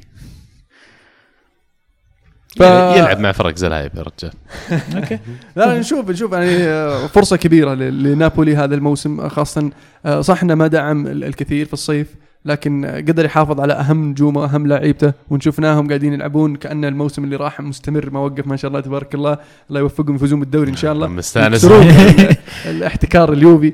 ونبدأ نشوف فرحة النابولي لسه. وهذا يسطر شيء مهم جدا في عالم كرة القدم. دائما نتكلم عن الجماهير كيف دائما يطالبون بالانتقالات والانتدابات الصيفية وليش فريقي ما يصرف 100 و200 مليون في الصيفية الواحدة. هذا أكبر مثال على أن الاستمرارية واحتفاظك بفريقك وتجانسه أهم بكثير من التعاقدات الصيفية وإضافتك للفريق. آه، نابولي قدر أنه يحتفظ بأهم العناصر اللي عنده عودة كذا لاعب من الإصابة من الموسم الماضي واحتفاظهم بالنجوم كان معرضين ولا مؤهلين أنهم يطلعون خلال الصيف الماضي. أتوقع راح يعطيهم دفعة كبيرة في منافسة اليوفي على اللقب الموسم هذا. فعلا ترى أداء يعني دور ال- الرئيس النادي آه، كان كبير في المحافظة على اللعيبة لأن عادة تعودنا عليه لما يجي عرض مبلغ وقدره. شفنا مبلغ على كافاني مبلغ على ليفيتسي مبلغ على آه، هيغوين كان يبيع على طول. بس جت عروض هذا الصيف. لكنه رفض إنه يبيع لعيبته وحاب فوزي. غلام جاه عروض. آه إنسيني جاه عرض ب 60 أو 65 مليون. كلها رفضت. آم، فعلا لاعبين معتمدين عليهم بشكل كبير. نابولي. آه، خليدو كوليبالي برضه جاء عروض ورفضها بمبالغ كبيره ف يعني الدور اللي قاعد يؤديه صراحة رئيس النادي دور يعني مهم بالنسبة للنادي. واشوف إن ال- ال- ال- نابولي ممكن يدخل مرحلة جديدة هذا ال- الموسم. مع إن رئيسهم ترى عنده فيوز ضارب يعني مفلسع آه. شوي بس آه، كعادة الرؤساء في إيطاليا يعني. بس آه، كرة ممتعة. ما زال نابولي يقدم كرة جميلة أجمل كرة في إيطاليا وإذا ما كانت الأجمل في أوروبا أو من الأجمل في أوروبا الأهداف اللي تسجلها نابولي لما تتفرج عليها تستمتع بمباريات نابولي. آه، في كلام كثير في إيطاليا انه نابولي ما راح يركز على ال Champions League وراح يحط كل حيله في الدوري. شفناه في مباراة ال Champions League اللي خسرها ضد شختار 2-1 آه، ميرتنز ما كان أساسي لاعب ملك. إيه. ف ومن هنا الصحافة قالت okay شكل نابولي بيحطون كل حيلهم في الدوري السنة هذه يبونه خلاص. المفروض المفروض. يعني بالنسبة بالنسبة لنادي زي آه، نابولي إنك تأهل دور 16 شيء ممتاز. يعني آه، من ناحية الدخل المادي اللي بلشنا فيه عبد الله قبل كم موسم آه، فبالنسبة للنادي زي نابولي أفضل شيء ممكن تسويه دور 16 إذا وصلت بعده حلو. آه، لكن المفروض إنك تركز على الدوري الدوري فيه لك فرصة فيه وأشوف إن هذه يعني قد تكون آه، آه، آخر أسهل فرصة. لأن الموسم الجاي زي ما تكلمنا بنشوف أندية ميلان تعود بقوة وهذا الموسم يعني أندية ميلان على طريقها يعني قاعد تأدي أداءات كبيرة. شفنا الإنتر الإنتر الحين حاليا في الموسم هذا قاعد قاعد يعرف يجيب الفوز. حتى في في مباريات اللي ما يؤدي فيها. صح. لعب صحيح. لعب ضد كروتوني آه، خارج أرضه الإنتر وفاز 2-0 الهدفين جو في آخر 10 دقائق. ف آه، بالعكس آه، شيء آه، شيء ممتاز بالنسبة للإنتر. وبدا بدأ ال winning mentality أو عقلية الفوز بدأت تترسخ على الفريق. وممكن نشوف إنتر صعب هذا الموسم. أو أتوقع أن الإنتر راح يكون آه، الثالث. إذا إذا استمر على هذا الأداء. أتفق معك تماما. إضافة سباليتي واضحة. ال. ال ال ال الإضافة اللي قاعد يعطيها سباليتي من ناحية تكتيك من ناحية عقلية تغيرت كثير. الإنتر ما كان كذا الموسم الماضي. ما كان يفوز إذا إذا كان سيء ما كان يفوز. الشيء اللي يخليك ينافس أو في مراكز متقدمة في الدوري أو في أي دوري إنك تفوز لما ما تكون أف- الأفضل في المباراة. ثلاث نقاط وتمشي ونحاول نعيد من جديد. فهذه ميزة ممتازة للإنتر السنة هذه. الكروات عندهم قاعد يقدمون مباريات آه، جميلة جدا. فعلا. آه، بوليسيتش آه، بيريسيتش آه، وبروزوفيتش. ميسي إنتر ميلان على قولة الله الله. ففعلا حتى يعني إيكاردي له دور كبير. آه لكن آه إذا غاب إيكاردي يحضر بيريسيتش وإذا غاب. بيريسيتش يحضر إيكاردي. آه لاعبين مهمين بالنسبة للنادي. وأتمنى أشوف أن آه إنتر ميلان يحافظ عليهم برضه في الموسم القادم ويدعم لهم ويجيب لهم واحد الثالث آه عشان يصير عندهم ثلاثي هجومي فتاك آه راح ينافسهم. على المنافسه راح. راح يساعدهم على المنافسة على الدوري وخاصة ان أتوقع تأهل ال Champions League راح يكون آه، عندهم آه، فرصة آه، برضو على الدخول بقوة في ال Champions League إي سي ميلان يفوز 2-1 على أودينيزي في المباراة الأولى اللي شارك فيها كالينيتش أساسي في الدوري سجل هاتريك وألغى الحكم هدف صحيح في, هدف ثالث في آخر 10 دقائق و بعد استخدام أو بدون استخدام هذه ال- الفيديو. حقهم. هم كانوا على نفس الخط صراحة يعني أنا قعدت طبعا لما تقعد تشوفها على رواق سهلة إنك تقول بس أنا على ما يبدو نفس الخط حتى جابوها بالإعادة وحطوا إيه. لك خطوط. ما خططوا لك إيه. الملعب ويعني فأنا إلى الآن وش فائدة التقنية إذا يعني إذا ما راح يستخدمونها هذا تعليق أحد الشباب ترى في الموسم في الحلقة الماضية وش فائدة. التقنية إذا ما راح يستخدمونها جد يعني المفروض يثبتونها في الحالات يعني بالنسبة لي حالات التسلل هي أهم شيء أول ما يقول الحكم تسلل okay حسبت تسلل لازم توقف نتأكد خاصة لما يصير فيها شكوك. الحكم الرابع اللي جلس برا يتأكد. إلى الآن بما أن التقنية جديدة ما عاد ما, ما خلينا نقول الآلية لاستخدام التقنية هذه أو لطلب استخدامها من أحد الفريقين آه، ما بعد صارت واضحة ولا بعد حددت بشكل كامل. في سبب إنهم سووها حاليا أو بدأوا يطبقونها هو لأجل إيجاد الآليات وطريقة استخدامها بالشكل الانسب لا تتوقع إنها راح تكون perfect ولا ممتازة من أول موسم ولا ولا من ثاني موسم. يأخذ له وقت لكن حاليا هذا توجه كرة القدم. المفروض حاليا يركزون على حالات التسلل لأن حالات التسلل ممكن تحسمها بس آه، لأن في حالات التسلل ممكن يوقف يوقف اللعب. لأن okay سجلت هدف ثم الحكم يقول لا وقف تس- تسلل. لأن already اللعب توقف لأن حالة تسلل. بس في حالة بلنتي آه، ما أشوف إنه المفروض يرجع. خلاص الحكم ما قال بلنتي كمل.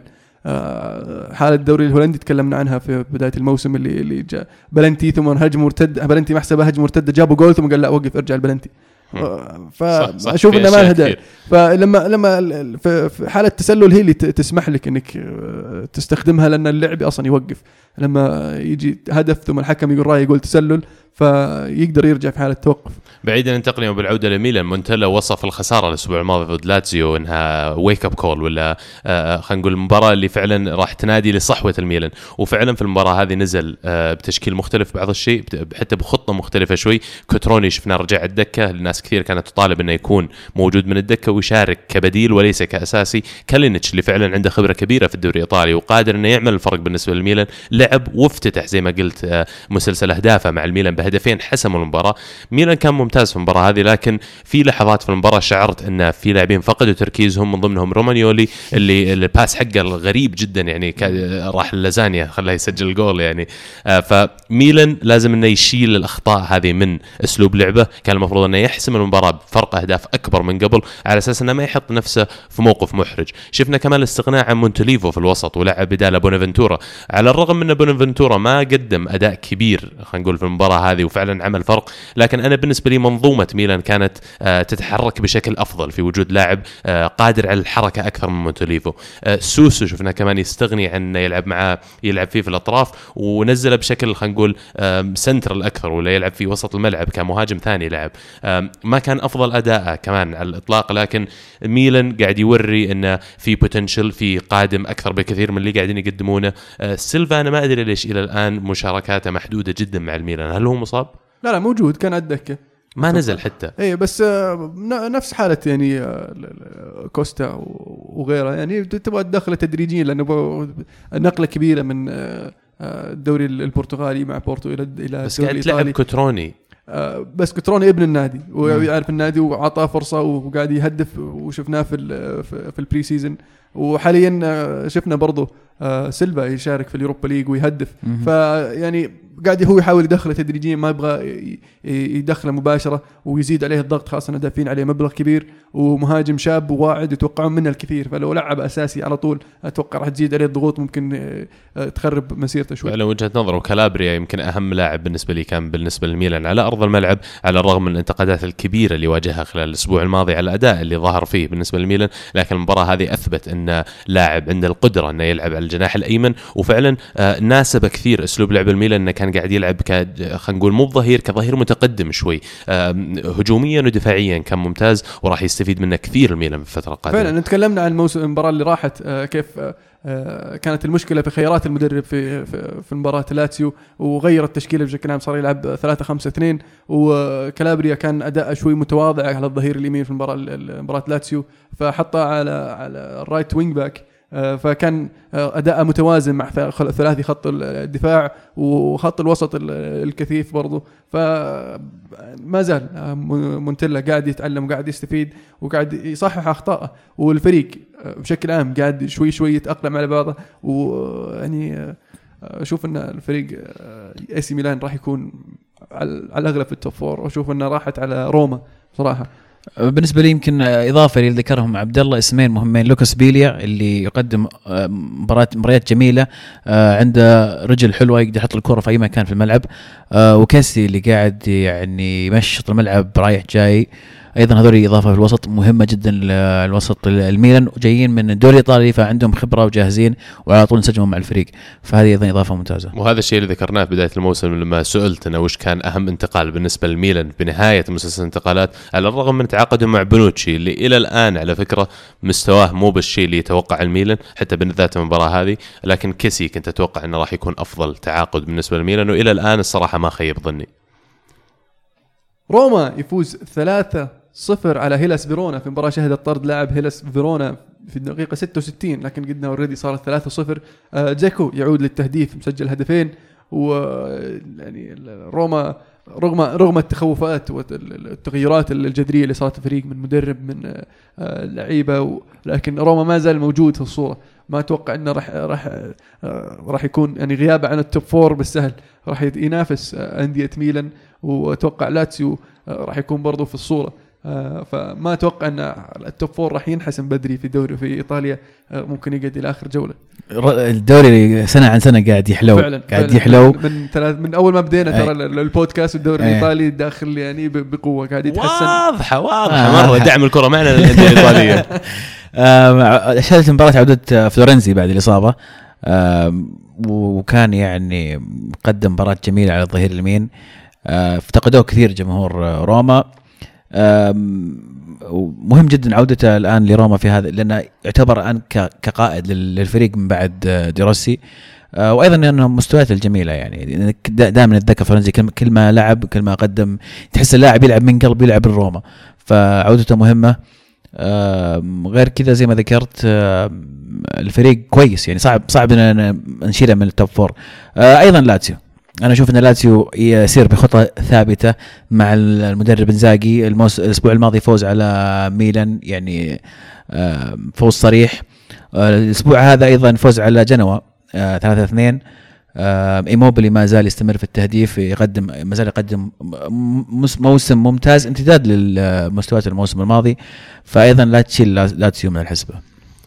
طبعا أول مرة أنا أشوف يعني خلال الفترة الماضية يمكن خلال آخر ست شهور أه، خطة 4 3 3 فعلا تنجح مع روما. أه، يمكن في وجود الشعراوي على الجناح اليسار وجيكو كان يعني أه، خلينا نقول سجل بعض من الفرص اللي سنحت له. دائما كانت روما مشكلتهم انه تحصل لهم 20 30 هجمة في المباراة لكن يعني لما لازم تحسم مباراة خلاص سجل الجول ما يسجلون الجول. وأتوقع لما يلعبون ضد فرق أكبر لما يلعبون ضد فرق عندها quality أعلى راح يعاقبون على تضييع الفرص. ضد إنتر ميلان. نفس الحالة صارت لأن كان لاعب روما بشكل أفضل وجته فرص لكن في الأخير آه، الإنتر قدر يقلب الطاولة عليهم ويحسم ثلاث نقاط. ففعلا أتفق معك في هذه النقطة. نوصل فقرة حول العالم. في الدوري الألماني بايرن ميونخ يعود في سلسلة الانتصارات ويعود الانتصارات عفوا ويفوز 4-0 على ماينز. بعد بعد ما فازوا في في ال Champions League فوز متواضع يعني على آه، أندرلخت. قدروا يفوزون 4-0 على ماينز وعودة آه، روبن للتهديف وبالإضافة إلى ليفاندوفسكي سجل هدفين. قاعد يكثر الكلام على بايرن ميونخ. أنا بشطح برا المباراة شوي لكن قاعد يكثر الكلام انه في لاعبين كثير داخل النادي قاعدين يفكرون بالخروج من النادي. آه من ضمنهم مولر من ضمنهم ليفاندوفسكي من ضمنهم آه كيميتش. آه لكن طلع ليفاندوفسكي البارحة وقبل البارح وقال إن الكلام اللي قاعد يطلع إني أنا أبغى أغادر بايرن ميونخ كلام فاضي كله وأنا ما أفكر بهذا الشيء حاليا. آه مولر لكن إلى الآن مو قادر يلقى له مكان في التشكيل الأساسي بالنسبة لي آه كارلو أنشيلوتي.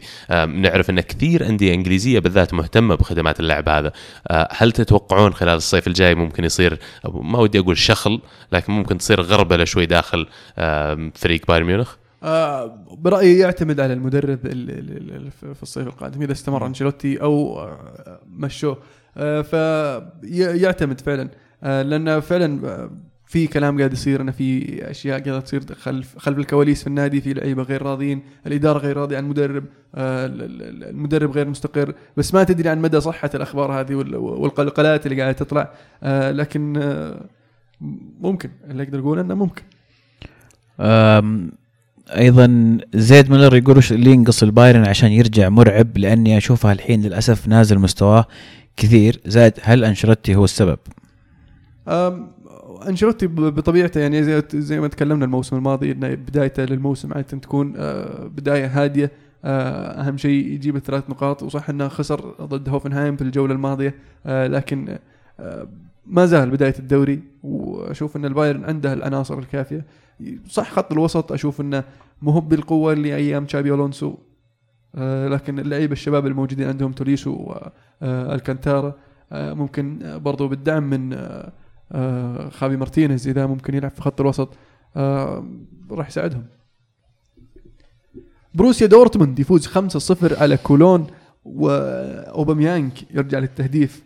والمهاجم الجديد فيليب أتوقع انه لقوا واحد يساند آه، آه، اوباميانج في التهديف آه، خاصة مع غياب رويس غيابات رويس الكثيرة. واشوف انه لاعب يعني لقطة ممتازة جايبينه في الصيف الظاهر من جلادباخ إذا ماني غلطان. وقبل كذا يستاهلون كل الخسارة يستاهلون الصقعة جونا خربوا ملعبنا الأسبوع الماضي في Europa League يقول لك عندهم 3000 تذكرة جايين 20000 واحد حاضرين والجو حاولوا يدخلون من جهة جماهير ارسنال وسووا فيلم برا وتأخرت المباراة ساعة كاملة فبصراحة ما ما في في. هذا أي بطولة؟ شيء كان يلعب فيه المول السنة آه. الماضيه أنت ما تعرفه. السالفة بيني وبينه. بس صراحة شفت كم فيديو لجمهورهم في لندن كان يعني صراحة منسمين منسمين يعني فعلا زاحفين وما ما أعتقد إنه سووا مشاكل يعني تكسير ويعني تخريب بس إنه يمشون مع بعض ويشجعون مع بعض فكانت أجواءهم جميلة صراحة. في الدوري الفرنسي PSG يفوز على ليون 2-0 بأهداف عكسية يعني مع القوة الضاربه في الهجوم والناس والصفقات. آه، فازوا على ليون بهدفين عكسيين من آه، من دفاع ليون. آه، وضيعوا بلنتي بعد. آه، صار مشكلة البلنتي تهاوش آه، نيمار وكافاني وجاء الفزعه ال- ال- ال- البرازيلي الثاني داني البس لا ما يشوت أنت وخذ خذ نيمار خذ شوت. بس جاء كافاني وأخذ البلنتي وضيع. أنا أشوف إنه صح عليك. صح عليك إنك اخذته غصب وضيعته كذا بينهم بس. وش الحركات؟ ضيع عقب منهم بس. اي وش حركات البزنان جمع برازيليين والله بزورة مرة آه، بزورة. شلة برازيليين بن... بعدين الكباني أشوف له الاحقيه لأن أصلا آه، هو متخصص البلنتيات ما في مدرب برا يا. أخي. في مدرب يعني في مدرب يختار يشوت. فعلا شيء ممتاز ذكرته. يعني أنا بالنسبة لي أشوف إنه ضعف في شخصية المدرب إنه غير قادر على التحكم باللاعبين داخل أرض الملعب. أنت لما تشوف عندك انتقالات واحد جبته ب 220 مليون والثاني ب 180 مليون وعندك كافاني اللي كان ينتظر له خمسة وست سنوات في ظل إبراهيموفيتش كان ينتظر إنه يصير اللاعب رقم واحد وفعلا نجح إنه يصير اللاعب رقم واحد الموسم الماضي. أكيد راح تصير في مشاكل ونزاعات على الموضوع هذا. أنا مو قاعد أقول إنه شيء سلبي بالعكس شيء إيجابي ويزيد المنافسة لكن أنت كمدرب المفروض دورك إداري بشكل أكبر في إدارة النجوم هذه. قد تكون الانتقالات اللي تكلمنا عنها سبب لإنهاء خدمات مدرب PSG لأنه مو عارف كيف يتعامل مع الفوضى اللي قاعد تصير في الملعب. أنا صراحة ما أدري كيف الهدف الثاني يعتبرونه هدف عكسي لأن إمبابي انفرد وحطها في الحارس. قاعد في الحارس ودخلت. لا بس قعدت في الحارس قعدت في المدافع ثم دخلت. بس قاعد في الحارس رجعت مدافع إيه كان أوكي. المدافع وراه طيب والأول حق كفاني هو دفها كفاني إيه. بعدين جاء المدافع دفها زيادة حب الجول. ف حاولت أنا حاولت احسبها كفاني حاولت أحسبها لمبابي بس ما زبطت. مرة من هنا وهنا. أعطيهم أسيستات أعطيهم النص ذاك. طيب آه عندنا أسئلة بخصوص PSG على ما يبدو الأسبوع هذا PSG يعني آه آه أو الموسم هذا أعتقد PSG راح يكون آه، حديث كثير من الناس. آم، يقول لك غايب يقول مستغرب ليش باريس كل هالتعاقدات ما صلحوا دفاعهم. يعني بدل ما تجيب مبابي جيب مدافع كويس بدل ماركينيوس السيء. كمان ماركينيوس وسيلفا يعني أنا ماركينيوس أحسن من سيلفا أصلا. الاثنين هذول كثنائي خط دفاع أنا أشوف. رائع. كم بنبيع لاني لاعب أمس كيمبيمبي شوف ماركينيوس الموسم الماضي بعد جاب العيد شوي في ال Champions League. نعم ممكن أتفق معه شوي لكن مدافع صغير في الأخير وأنا أتوقع منه موسم عن موسم يتطور. إذا إنه فعلا جاء الموسم هذا وما قدم لي أفضل من الموسم الماضي ذاك الوقت أفكر اني أغيره من قلب الدفاع. لكن إلى الآن فريقهم كويس فريقهم متوازن. جميع المراكز عندهم بالاستثناء عندهم لاعبين ممتازين وأتوقع راح يكونون قوة حقيقية حتى في الشامبيونز ليج. ممكن آه، ال weakest link خلينا نقول اللي هو الحارس. معنا الحارس شاب آه، أريولا وحارس كويس وله مستقبل وتراب. باهر. وأشوفه ممكن آه، يكون حارس فرنسا الأول بعد هوجو لوريس في المستقبل. وعنده منافسة من تراب اللي هو يعني لاعب آه، حارس آه، أبدع في المواسم الماضية. آه، فما أشوف إنه يعني عنده مشكلة في في الخطوط. علي يقول من تتوقعون بيكون الديك في باريس في المستقبل؟ كافاني ولا نيمار بعد خلافهم؟ أتوقع بعد المبلغ اللي اندفع على نيمار يعني إدارة ال PSG مستحيل إنها تضحي بالاستثمار هذا بالذات على كمية ال- القوة الإعلانية اللي جابها ال PSG كمية المشاهدات اللي قاعدة تزيد بالنسبة لل PSG طلع رقم ما اتذكره لكن الظاهر يبدو لي يقولون بعد التعاقد مع نيمار بي اس جي مباريات بي اس جي صارت تن- تنعرض في أكثر من 120 دولة حول العالم. قبل ما كان نفس الشيء فهذا يعطيهم exposure وعرض كبير بالنسبة للجماهير العالمية وصعب إنهم يفرطون فيه حتى لو عشان كفاني.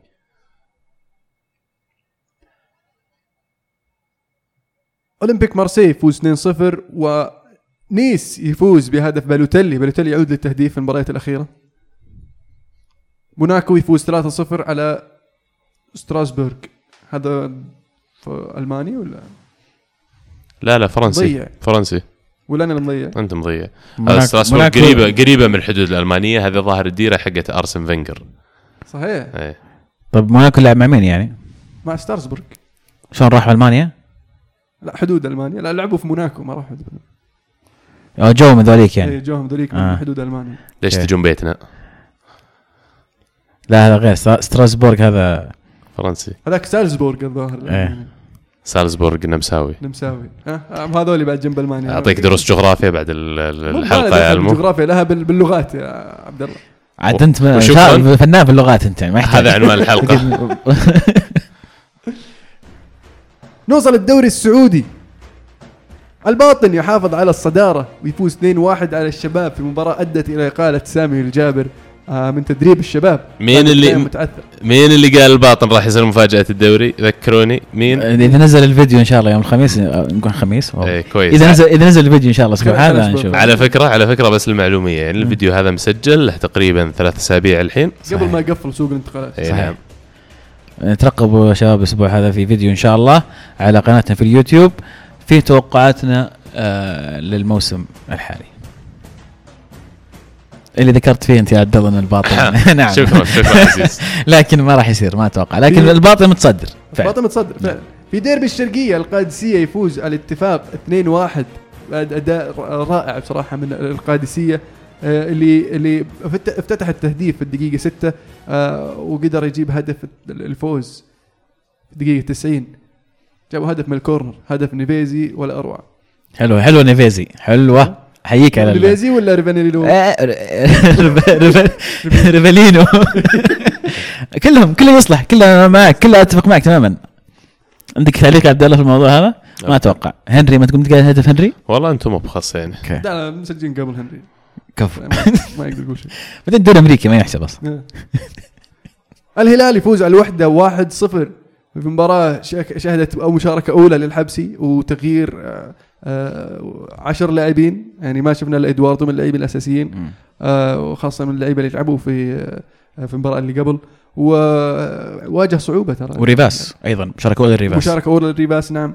ومع الأسف استمرار مشاركة اللي ما يتسماش. بريتوس ماتوس بريتوس ف يقول إنه يستمتع الآن قاعد يتعلم لعبة جديدة في السعودية فهو مبسوط في, في تواجده ه- هذا إيه، هذا اللي يقولون جا السعودية اللي قاموا يلعبون لعبة جديدة جازت إيه. له قاعد إيه. يجرب حظه قاعد. يجرب اللعبة هذه عشان يرجع يقول الربع عنه يلعبون شيء ما قد شفته في حياتي اسمه كرة قدم. عرفت؟ برجلهم تخيل وش لهالدرجه زبال؟ والله يا أخي عنده عنده ال ال ال الوزنية النطة مع تخيل تجيك رفع الوزنية حقته غلط لهالدرجة اللاعب الكوردينيشن عنده سيء ما يقدر ينط ويطق راس صح يعني ماني فاهم بس يعني يلا خليها ربك. بس هدف رائع من آه، آه، شو اسمه درويش. فعلا. قطع الكورة وانطلق فيها من خلف النص مررها وفتح آه، سجلها وانت شوف مع العابد. بما نتكلم عن الهلال يعني كان المفروض الهلال حتى هو يلعب بالصف الثاني يفوز براحة أكثر من كذا. لكن واقعيا الهلال السنة هذه أشوف أنه ما له منافس في الدوري. للأمانة. بس- بس الفرق الثانية مستوياتها نازلة كثير الأهلي النصر الاتحاد كلهم مستوياتهم متذبذبة. الهلال هو الوحيد اللي تحس إنه فعلا فريق آه، ماسك الرتم حق الموسم الماضي مستمر عليه. يعني هو اللي بينافس في- الباطن يعني. صحيح. في فرق في لعيبة يعني أول مرة يشاركون و- ف يعني يحتاجون شوية وقت مع مع مع ال- النادي. آه بالنسبة للأهلي والنصر تعادلوا واحد واحد في مباراة يعني تفوق فيها الأهلي وما أدري إيش قاعد يسوي وليد عبد الله. آه بالهدف الأول. سخيف الهدف غريب. يا أخي يقول رطوبة يا أخي. عذر أصبح من دم يعني سمعنا عذر أول الجزمة حق آه، محمد نور وما عجبنا بصراحة. فشوف له حل والله للأمانة ما شفت المباراة لكن آه، رجعت النصر في الدقائق الدقائق الأخيرة من المباراة دقيقة 83 ولا 84 شيء إيجابي بالنسبة للنصر المباراه شهدت حضور رئيس الاتحاد آه، رئيس هيئة آه، الشباب أو إيش اسمها هي بالضبط؟ رعايه الشباب. في الملعب. هيئة الرياضة. هيئة الرياضة هيئة صحيح. الرياضه شكرا بالاسم الجديد. ما تعودنا على الاسماء الجديدة مع التغييرات معليش لكن شهد حضوره في الملعب شخصيا ك خلينا نقول كبداية العهد مع رئيس الجديد. الاتحاد ترى برضو. أيضا. يقولون ان الآن راح يبدون يحضرون مباريات أكثر لتشجيع فعلا اللاعبين راح يدعمون الأندية المشا... عندها مشاركات اسيويه بشكل أكبر. التحول اللي قاعد يصير في هيئة الرياضة بالنسبة لي شيء إيجابي وامتداد لكلامنا في بداية الحلقة عن المنتخب السعودي والتغييرات اللي قاعد تصير فيه. التغييرات اللي قاعدة تصير داخل كرة القدم السعودية شيء جذري أه، استحدثت الآن كمان اللي هي لجنة استكشاف المواهب اللي مكونة من خمسة وست لاعبين دوليين سابقين. هذا شيء إيجابي كنا نتكلم عنه من فترة طويلة. آه كمان تعيين آه لجنة لمتابعة شؤون الأندية ورفع تقارير الماليه بنهاية كل شهر لكل نادي لمراق- لمراقبة التعثرات. هذا أشياء النادي فيها من زمان. مو المفروض أي نادي يصرف آه، مبالغ. هو غير قادر على توفيرها ويدخل النادي في ديون ومشاكل ودوامات منها الاتحاد اللي اليوم طلع خبر لكن من متأكد من صحته؟ لا تحسبوني عليه اللي يقولون راح يحال جميع المتورطين في ملف الاتحاد ودخوله الدوامة هذه إلى النيابة العامة للتحقيق معه. فأنا أتوقع آه، آه، إلى إلى يعني أخيرا وصلنا عهد اللي أندية كرة القدم عندنا تعامل كشركات تعامل كبزنسز محاسب محاسب ال- ال- اللي يديرونها عن التقصير اللي يصير فيها. هذا تمهيدا طبعا لخصخصه الأندية وإن شاء الله نشوفها قريب. والاتحاد السعودي متحمس إلى هذه الخطوة وإن شاء الله نشوفها تمشي بسلاسة. نرجع لمباراة الأهلي والنصر. مباراة الأهلي أشوف إن ال- ال- الأهلي يعني بدأ بدأ ينكشف آه، مدربهم آه، على حقيقته بصراحة. آه، في المباراة الثانية على التوالي بداية للشوط بداية الشوط الأول كانت يعني الشوط الأول كان سيء في مباراتين مباراته مع بيروزي ومباراته مع النصر. جاء جاء الهدف بطريقة يعني كوميدية آه، من طريق وليد عبد الله تسديدة جميلة من آه، شو اسمه؟ في دفاع آه، فيتفا. لكن آه، يعني حطها عند الحارس والحارس ما عرف يمسكها. ف ال- الأهلي نفسه قاعد يقدم أداء يعني متواضع في الشوط الأول. يجي الشوط الثاني نشوفه يقدم أداء متوقع منه الحين شوط المدربين يبدأ المدرب يحط آه، نقاط على الحروف. يقوم يجيك المدرب يسوي تغيير ويجي يعني ويجيب العيد. يقوم بعد التغيير هذا الفريق يجيب يجيب الطاعة فمباراة ال- ال- ال- Champions League مع بيروزي. الأهلي داخل منضغط نفسيا يبغى يسجل يبغى يسجل أول آه، مع أنه عنده الإيجابية متعادل خارج أرضه 2 2 0 0 تكفيك. فمفروض إن الأهلي يلعب بروقان وأنت ماسك الكورة. فشفناه حاول يجيب هدف وهو منخرش وهذوليك يحاولون يجيبون هدف. ال- ال- ال- الفريق الإيراني يعني مع الحق إنه يبغى يجيب هدف. فهو اللي المفروض يصير متنرفز. فعلا جابوا هدف وانطرد منهم لاعب دقيقة 10 جابوا هدف دقيقة 5 وانطرد لاعب دقيقة 10 لكن ما عرفوا آه، يمسكون أعصابهم الأهلي. زادت النرفزة زاد الضغط زاد القروشه الشوط الثاني دخلوا بطريقة أفضل شوي. جابوا هدف التعادل لكن ما زالوا مو بعارفين يمسكون المباراة مع أنهم واحد واحد تأهلهم. فزاد الضغط مع إنه مطرود منهم واحد. ما عرفوا يمسكون المباراه ما عرفوا يسجلون هدف. تسببوا ببلنتي جابوا الثاني الفريق الإيراني ثم من بعدها بشوي سبوا بلنتي ثاني جابوا الثالث الفريق الإيراني وانطرد منهم لاعب الأهلي. ف آه، هذه هذه مباراة ال Champions League. وشفنا شفنا نفس الحالة تقريبا آه، من ناحية آه، عدم خلينا نقول الهدوء.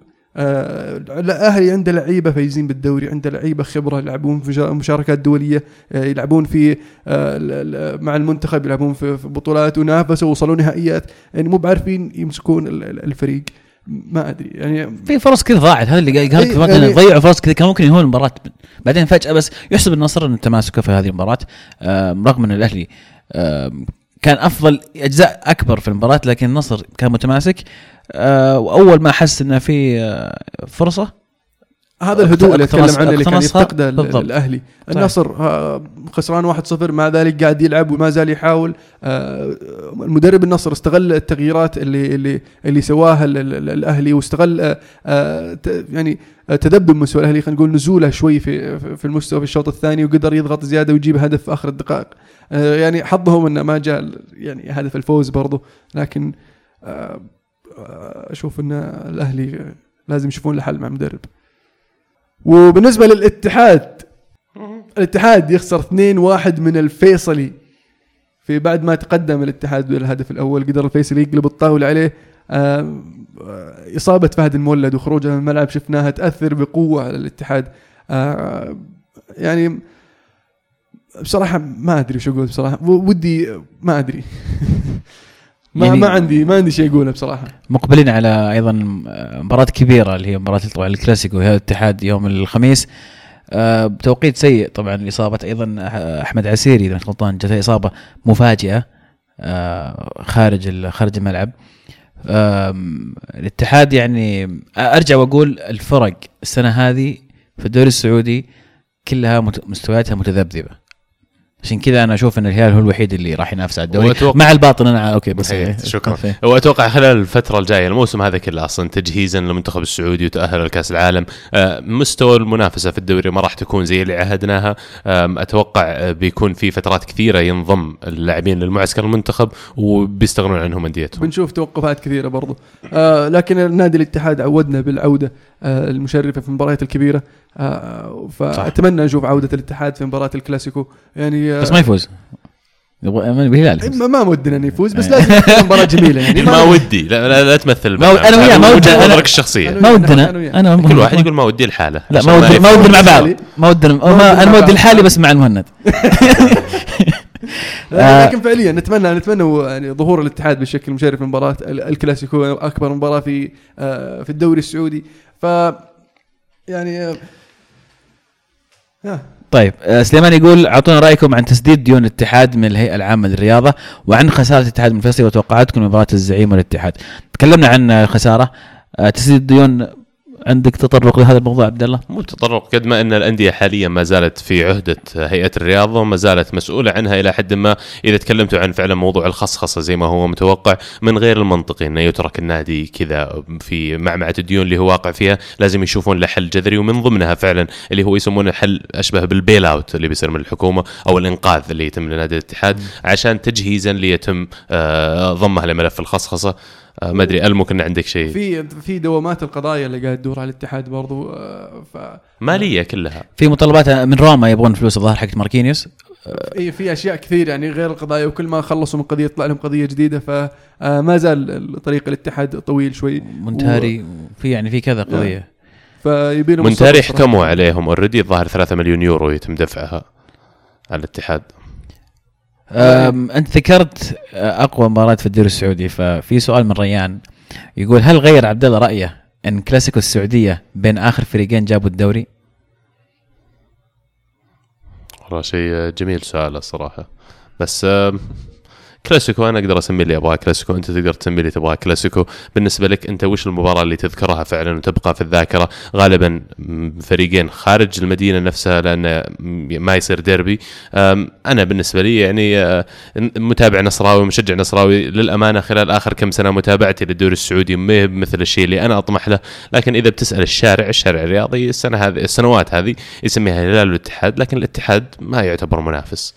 من زمان هي يعني وهي الكلاسيكو ال- ال- الهلال والاتحاد لأن بين فريقين أكبر فريقين في, في الدوري آه، أكثر فريقين تحقيق البطولات أكبر فريقين والله. آه، جماهيرية. ف أختلف معك في كثير من العبارات اللي قلتها. كل كل آه، هذه fact أنا قاعد أعطيك fact ما هي كل- fact كل- هذه وجهات نظر. كل الأدلة وكل المؤشرات تدل على أن الكلاسيكو هو الهلال والاتحاد أنا أتفرج على الدوري السعودي من والهلال. 94 تقريبا من سنة 94 أو 95 متابعة فعليه يعني ما سمعت لقب الكلاسيكو الدوري السعودي على الهلال والاتحاد اسمح لي بس. ما سمعته إلا في 2007 مدري 2008 ترى شيء جديد يعني إيه لأن ما تقول إنه من عمر كلمة الدنيا. كلاسيكو ما جت جتها جت لل- للشارع الرياضي جتها منهم من كلاسيكو ريال مدريد. لما فتحت قناة الجزيرة النقل مجانا فعرفوا وشو كلاسيكو فقالوا وشو كلاسيكو عندنا يلا أكبر فريقين مع مع كل احترامي لكل الأندية الثانية اللي أيضا كبيرة لكن أنا أتفق مع المهند في ناحية إنه أكثر فريقين بطولات وأكثر عدد جماهيرية. ممكن هذا الرقم مستحيل ما في مست- ما في عدد جماهيرية ما إيه، في إحصاء إيه عليها إيه هذا كنت هذا بقوله. بقوله. مستحيل إن يعني نقول 100% إنهم أكثر جماهيرية لكن هذا اعتقاد الأغلبية خلينا نقول. والله يشجعون الهلال. وهذه وجهة نظر ثانية لكن بما أنك تكلمت عن موضوع كمان البطولات أنا أحيي آه، رئيس هيئة الرياضة على خطوته الإيجابية أنا أشوفها بانتزاع التعصب زي ما تقول ويقال أن تم إلغاء هيئة آه، توثيق البطولات وعدم الاعتراف بنتائجها كلها. تكلمنا عن الموضوع من قبل. أنا وجهة نظري الشخصية أنها كانت بلبلة ما كان لها داعي. تثير نعرات كثير بين ال- ال- المشجعين الأندية وتثير التعصب و يعني شكرا رئيس هيئة الرياضة صراحة على الجهود اللي قاعد تقدمها. سعد يقول رأيكم في انبطاح المنافسين قدام الهلال بعد ما أخذ الدوري الموسم اللي راح بصعوبة تتوقعون الهلال يأخذ الدوري بسهولة هذا الموسم يعني بغض النظر عن كلمة آه، انبطاح أنا أشوف إن فعلا المستويات نازلة زي ما ذكرت قبل شوي وأشوف إن الدوري. الهلال راح يأخذ الدوري السنة هذه ما في شيء بسهولة لكن هو. الأقرب نعم هو أجهز فريق. فريق اجهز فريق وزي ما قلنا فترات التوقف راح تضر بال- بالمنافسة بشكل كبير. فالفريق اللي عنده القابلية والجاهزية بشكل عالي هو اللي راح تكون عنده أفضل فرصة لتحقيق اللقب وأتوقع الهلال هو الأقرب حاليا. حلو. نوصل لفقره بطل وبصل. جاهزين يا شباب؟ أنا جاهز. وش إيش يعني بطل عشان ما أول مرة. آه أنا بقول و إيه. قلد قلد. ألمو قلد طيب ألمو. أوكي. إيه، شكرا. فبالنسبة لي البصل وليد عبد الله ال- ال- ال- ال- التصدي الجميل اللي سواه في المباراة وكلف فريقه نقاط المباراة. وبالنسبة لبطل الأسبوع أعطيها بوب ومدافعي بيرنلي اللي قدروا يوقفون صد منيع قدام ال- ال- الليفر مع إنهم دخل فيهم هدف لكن من 32 ما أدري شيء و30 محاولة آه، قدروا يطلعون بنقطة آه، من الأنفيلد.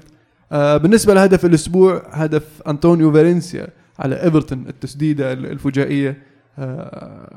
في في في في الدقيقة الرابعة صراحة فاجأتني باختيارك لهدف الأسبوع ما ما ما فاجأتني مرة مرة, مره فاجأتني. ما كنا متوقعين يعني مرة أنا ما حد توقع. شوف هدف فالنسيا فتح لك المجال إنك تختار الهدف حقك إذا تسمحون لي بس آه، البطل والبصل هذا الأسبوع بالنسبة لي حقين الستات. نابولي فاز ستة بطل الأسبوع. واتفورد خسر ستة بصل الأسبوع. هدف الأسبوع جاي من الدوري الكويتي بالنسبة لي هذا ال هذا الأسبوع آه، العربي ضد القادسية.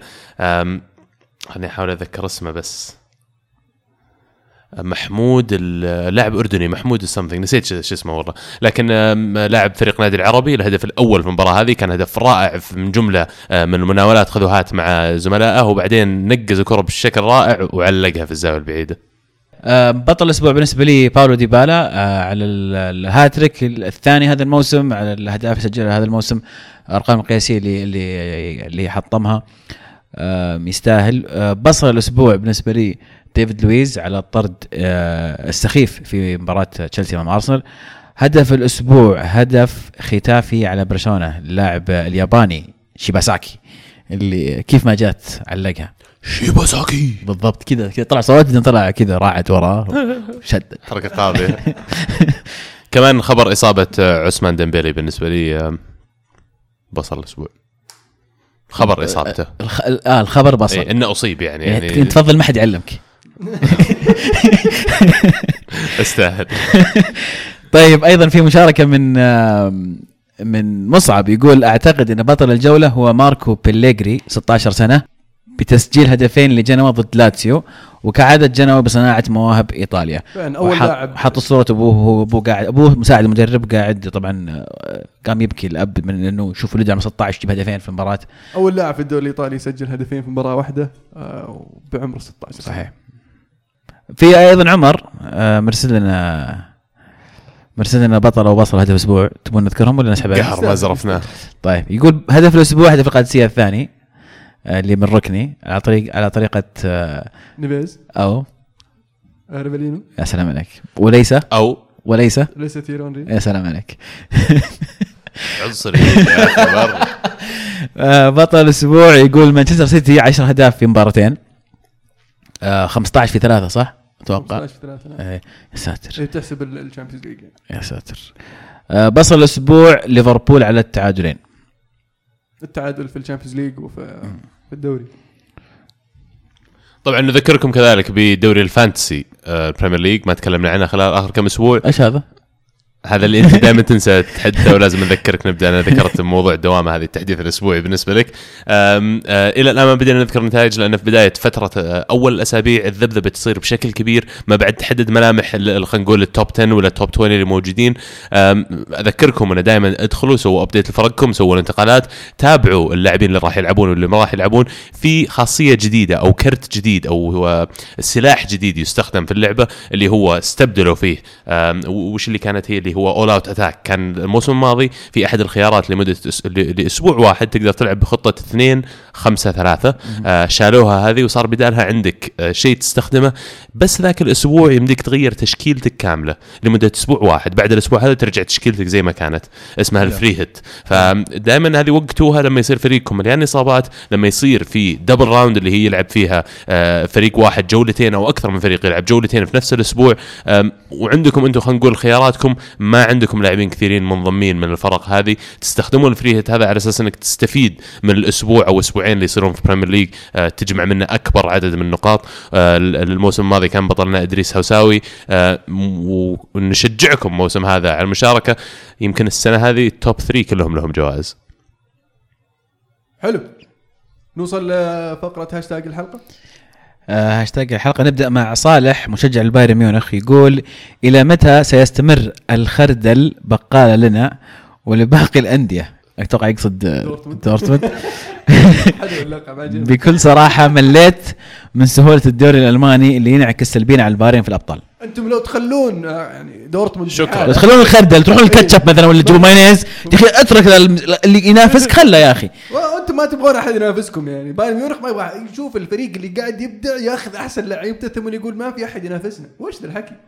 شوف لك يا أخي شيء ثاني. يا ابدأ طلع سوي لك شيء جديد طلع لك لعيبه جداد اشتري لك من برا. بس طيب يعني, يعني أنت تشوف إن ضعف الأندية المنافسه البايرن قاعد يأثر عليه في ال Champions League؟ قاعد يأثر على بايرن؟ إيه. اي لأن في الموسم الماضي حتى في أيام بيب كان يحسم الدوري قبل عشر جولات. فتصير مباريات شوي باردة ما فيها تنافسية. فيجي يجي هو يقابل ريال مدريد في نصف النهائي ولا يقابل آه مدري مين في نصف النهائي يجيك هذاك لسه في ال form ة وقاعد هذاك متلاعب مع برشلونة طول الموسم لين آخر أسبوع. وكل مباراة كذا بالنسبة له هذه مباراة الدوري هذه مباراة الكأس فيصير هذا جاي جاي مباراة الأسبوع اللي راح. روقوا يا شباب. إيش فيكم؟ إيه، روقوا فيجيك مروق ثم فجأة ما يدريك هذاك جاي م- ربش. ربش بالضبط. فأتوقع أن لها دور كبير يعني. إذا تذكر آخر مرة فاز فيها بايرن ميونخ بالدوري عفوا بال Champions آه كان كان الفريق اللي ينافسه في الدوري وقاعد ناشب له لنهاية الدوري هو اللي واصل معاه لنهاية ال Champions League فيوم أخذوا لعيبتهم ما عاد صاروا نفسهم في الدوري ما عاد عرفوا يوصلون النهائي. تتكلم عن الخردل كذلك ها؟ نعم. أفهم من كلامك أن عشان اليوفي يفوز بال Champions League نحتاج نابولي مثلا ولا ولا ميلان ولا إنتر ينافسنا. يرجعون إيه. وإنتر يرجعون. حلو. كويس. أتمنى التوفيق لانديه لا نابولي. يفوز بالدوري آه، السنة عشان اليوفي يفوز بال Champions. أتمنى التوفيق لأندية إيطاليا كلها باستثناء فريق واحد ما يتسماش. ما نحتاجه ما نحتاج ما نحتاج طيب وين سلطان يس يسولف معنا الحين.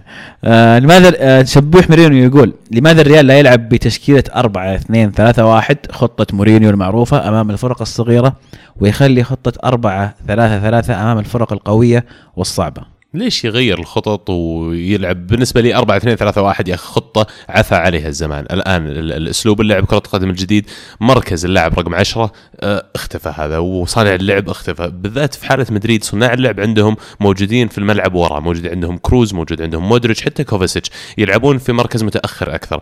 فبالنسبة لي أنا أشوف المفروض تلعب دائما بالخطة اللي تناسب فريقك. آه، حاليا تخلي ريال مدريد في السنوات الماضية عن اوزل وبعدين خاميس رودريغيز معناته واضح إن توجههم بعدم إشراك صانع اللعب صريح. إيسكو هو أقرب شيء عندهم يلعب في المركز هذا لكن كونه عنده ال- ال- الدور الحر في الملعب إنه يقدر يروح يمين يسار يساند الهجمة يرجع ورا تارك حرية أكبر وقاعد يعني يترك له مجال أكبر بالإبداع. وشفناه يتأقلم برضو ترى اسكو في في حالات كثير يلعب على الطرف اليسار يلعب على الطرف اليمين. وشفناه في المباراة الماضية آه ضد سوسيداد ياخذ مكان كروس في وسط الملعب. مع ذلك تلقاه مؤثر في صناعة اللعب في اختلاق الفرص. فهذا الشيء اللي اللي اللي, اللي ما قدر عليه أوزيل وخميس لأن لما تطلعهم من مركزهم المفضل آه فتشوف مستواهم تبدأ يضيعهم في وسط الملعب. وتكلمنا كذلك عن موضوع 3 4 3 قبل فترة وإن كيف إنها الخطة هذه وجدت ولا أنشئت على أساس إنها تستغل الفراغات والمساحات اللي تتركها خطة 4 2 3 1 آه، كتطور طبيعي لكرة القدم آه، يعتمدون على نصف المساحة اللي موجودة بين هذول اللاعبين. كمان مدريد ما عندهم محورين دفاعيين على مستوى عالي إنه يقدر يلعب فيهم في مركز الأربعة اثنين في اثنين هذا المحاور. عندهم بالعكس عندهم ناس يعرفون يناولون كورة كاسميرو خلفهم كمدمر وحيد. أعتقد بالنسبة لي أنسب بكثير بالنسبة لريال مدريد. وبعدين واحد جاب لكم ال Champions سنتين ورا بعض. زيدان والله لو يلعب واحد واحد ثمانية. أقول لك لو زيدان يلعب واحد واحد ثمانية لا أثق فيه في الطريقة اللي قاعد يلعب فيها. ابدا ما أتوقع في أي حاجة للعودة إلى هذه. خطة كرة القدم خلال الفترة الجاية راح تشوفون كلها يعني بشكل كبير تعتمد على ثلاث مدافعين. خالد يقول أعتقد أن ديبالا من أفضل خمس لاعبين في العالم. وش رأيكم؟ توافقوني الرأي؟ من ناحية ال form أو من ناحية ال- حاليا المستوى؟ اي ليش لا؟ مسجل هاتريكين في خلال أسبوعين تقريبا يستاهل. من ال- من ناحية الموهبة برضو يدخل في المنافسة. ويدل عليه إي إن يوفي رفض يبيعه بمبلغ جاهم كم؟ 150 160 مليون من برشلونة رفضوا يبيعونه. بس أنا يعني أنا تصنفه كأفضل من أفضل خمس لاعبين في العالم حاليا أشوف انها يعني شوي فيها مبالغة. من ناحية ال form من ناحية حاليا في اللحظة اي يعني يعني okay هال- هالاسبوعين بس من ناحية بشكل عام أشوف إنه يعني شوي صعب. الو- الولد موهوب لكن ما ما زال أحيانا تشوف فيه بعض العيوب. واضحة جدا بعض العيوب فيه. عنده أحيانا ال first touch تخيل. ال first touch أحيانا ترى ما تكون صح تكون كويسة بس ما هي صحيحة. عرفت؟ إنه المفروض أنت اللمسة الأولى تحدد ال- الخطوة اللي بعدها. فاحيانا تلاقي اللمسة تكون غلط. غيابة في بعض الأوقات المهمة أيضا هذه لازم يشتغل عليها. آه، لكن بلا شك كموهبة نعم من أفضل خمسة كموهبة. واللاعب أتوقع استمرار تطوره في المستقبل يعني هي ما يقدر يروح إلا أحسن من كذا. آم، خالد يونس يقول الدوري الإنجليزي تخبط الفرق الكبيرة ساعدت فريقين مدينة مانشستر برأيكم هل المباراه هل المباراة بين الفريقين بتحدد الدوري ومن تتوقع يفوز؟ ال- بالنسبة للسؤال الأول لا مو بتخبط الفرق الثانية. فريقين على مستوى عالي جدا ويستاهلون النجاح اللي قاعدين يعصرونه آه بالنسبة لمباراتهم ضد بعض كمان لا ما أتوقع هي اللي راح تنافس هي اللي راح تحدد بطل الدوري. لأن في الدوري الإنجليزي مو زي الدوري الإسباني اللي هي مدريد وبرشلونة يفوزون في 95% من المباريات الباقية. لا تشوف في شطحات تصير كثير. إلى الآن ما بعد تعثر الفريقين. يمكن مانشستر يونايتد تعثر في واحدة بس تعادلوا 2 2 تعادلنا مع ستوك. ستوك. إيه. اليونايتد تعادل مع ستوك وسيتي تعادل مع إيفرتون فما أتوقع إن المواجهة بينهم اللي راح تحدد ال- البطل قد ما إن الاستمرارية خلال الموسم هذا والنتائج الإيجابية هي اللي راح تحدد. آه، موسيقار زمان يقول لماذا لا تغطون أبطال آسيا؟ آه، هل على الأقل غطوه في الأدوار الإقصائية؟ توقعاتكم لبطل الدوري وكأس الملك وولي العهد والسوبر. أكون صادق والله ما أتابع جوانزو الصيني ضد آه، شيتاكي الياباني. خلينا نقول إحنا إحنا يعني نحاول نغطي مباريات ال- الأندية السعودية. يمكن ما تكلمنا عن مباراة الهلال والعين. آه، مبروك للهلال وجمهور الهلال ومبروك الكره السعودية آه، وصول الهلال إلى و hard luck للعين كذلك. آه، hard luck العين وصولهم نصف والأهلي النهائي. برضو حظ أوفر للأهلي. كنا نتمنى إنه يكون يعني نضمن على الاقل فريق سعودي في النهائي. لكن آه، الأهلي حقوها. نعم. حقوها الأهلي باختصار آه يعني أنا من الآخر قاعد أتابع المباراة فعلا والهلال آه، يمكن حاليا أقوى فريق سعودي وعندهم فرصة حقيقية إنهم يوصلون للنهائي وأتوقع عندهم كذلك فرصة حقيقية إنهم يحققون اللقب الموسم هذا. أكيد دائما كلنا ندعم أي ممثل آه، من آه، يمثل المملكة العربية السعودية أو كذلك يمثل آه، ال- العرب بشكل عام آه، ونتمنى لهم التوفيق لأن تحقيقهم للبطولة هي بطولة لنا جميعا. وأكيد راح نكون راح نغطي طبعا مباراة آه، نصف النهائي الهلال أمام الفريق الإيراني ذهابا وايابا آه، بس ما أتوقع بنغطي شرق آسيا ولا فككم الله من الأستراليين بس. قايل اسمه. والله فكنا من نشيمورا خل عنك بس اتحاد الرياض يقول بعد مرور كم أسبوع على بداية الدوريات من أكثر من أكثر فريق في أوروبا جاهز على المنافسة على جميع البطولات هذا الموسم. اسم واحد. أكثر فريق في أوروبا ينافس على الثلاثية مثلا. صعب بس ريال مدريد. إي مدريد بس لو بختار خيار. ثاني okay PSG. الدوري والكاس شبه. مضمونين يعني ويعتمد على أدائهم بايرن. بايرن سهولة المنافسة الداخلية وكذلك السيتي والله I wouldn't write them off يعني واليوفي. لأنك في. الاخير في الأخير تبحث عن الفرق اللي عندها عدد كبير من اللاعبين يقدرون يلعبون في أي مباراة وتشكيلة كبيرة. آه، تشيلسي على سبيل المثال ما عنده تشكيلة قادرة إنها تنافس على جميع الدوريات لأن عدد اللاعبين المتوفر لهم يلعبون كستارتنج 11 محدود جدا. فعشان كذا أقول لك انه عناصريا لازم تدور الفريق اللي عنده أكبر عدد من اللاعبين. تشيلسي ينافس في دوري واحد و... بس يقدر ينافس في عدة بطولات. معلومية كذا بس. اللي تشوفه. يعني صعب إنك تنافس في الدوري الإنجليزي والدوري الإيطالي والدوري الإسباني في نفس الوقت. ما يمديك؟ ما يمديك. آه، فاهم قصدك إنه أسهل في فرنسا وألمانيا. لا لا بس لا هو قصده شيء ثاني. هو قصده هو قصده لحظة الحين لحظه ظرافه معليش. تفضل مهند تفضل. ما انتبهت لا انت أنت لو جيت علمنا أنك بتقول شيء إن- هو قاعد يقول إنه يعني ينافس على الدوريات. المفروض يلعب دوري واحد. أسلم. ما عندي طيب. تعليق الصراحة. عبد الرحمن يقول وش رأيكم بمعايير الفيفا للكرة الذهبية اللي يعطونها للاعب بسبب إنه حقق بطولات مو لسجلاته الفردية؟ والكرة الذهبية هي جائزة فردية شلون تكافئ لاعب على بطولة يجيبها فريق؟ أم لا يعني مؤخرا هي صار يعني تنحاز إلى بعض اللعيبة. مو مؤخرا يعني صار لها فترة. ما تعتمد على البطولات. شفنا ميسي يفوز فيها وما سوى شيء مع برشلونة. آه ريفالدو عام 99 بيكم يفوز بالثلاثية وريفالدو يفوز مع انه اللي سواه إنه ساهم في تأهيل برشلونة لل Champions League وحصول على المركز الرابع وفاز بال Ballon d'Or آه بس هو يتكلم عن جائزة الفيفا وليس عن ال Ballon d'Or جائزة الفيفا اللي, اللي دائما أنا انتقدها بشكل أكبر مع كامل احترامي للجميع. أنا مرة ثانية ما بالقصد تقليلا من أحد لكن لما أجي المنتخب زي منتخب سريلانكا على سبيل المثال لأن التصويت يتم في البطولة حقت فيفا هذه أفضل لاعب صوت للمدرب صوت لكابتن الفريق ومن جميع الاتحادات اللي مشاركة في الفيفا اللي هو تقريبا 216 اتحاد. فلما يجي منتخب سريلانكا ولا منتخب موريشيوس ولا منتخب منتخبات خلينا نقول مغمورة جدا يمكن عندهم حتى متابعة كرة القدم ولا شعبيتها. مهب توازي الشعبية اللي موجودة في بعض ال- المناطق حول العالم وتساله مين أفضل لاعب في العالم. ما هو هذا ما يعرف إلا ميسي ورونالدو يمكن فريقين ثلاث فرق يتابع دوري دوريين بالكثير. ما عنده إلمام خلينا نقول بكرة القدم بشكل كامل. فطبيعي زي ما قلت المهند إن انحياز يصير للاعبين اللي عندهم شعبية وشهرة واسعة جدا.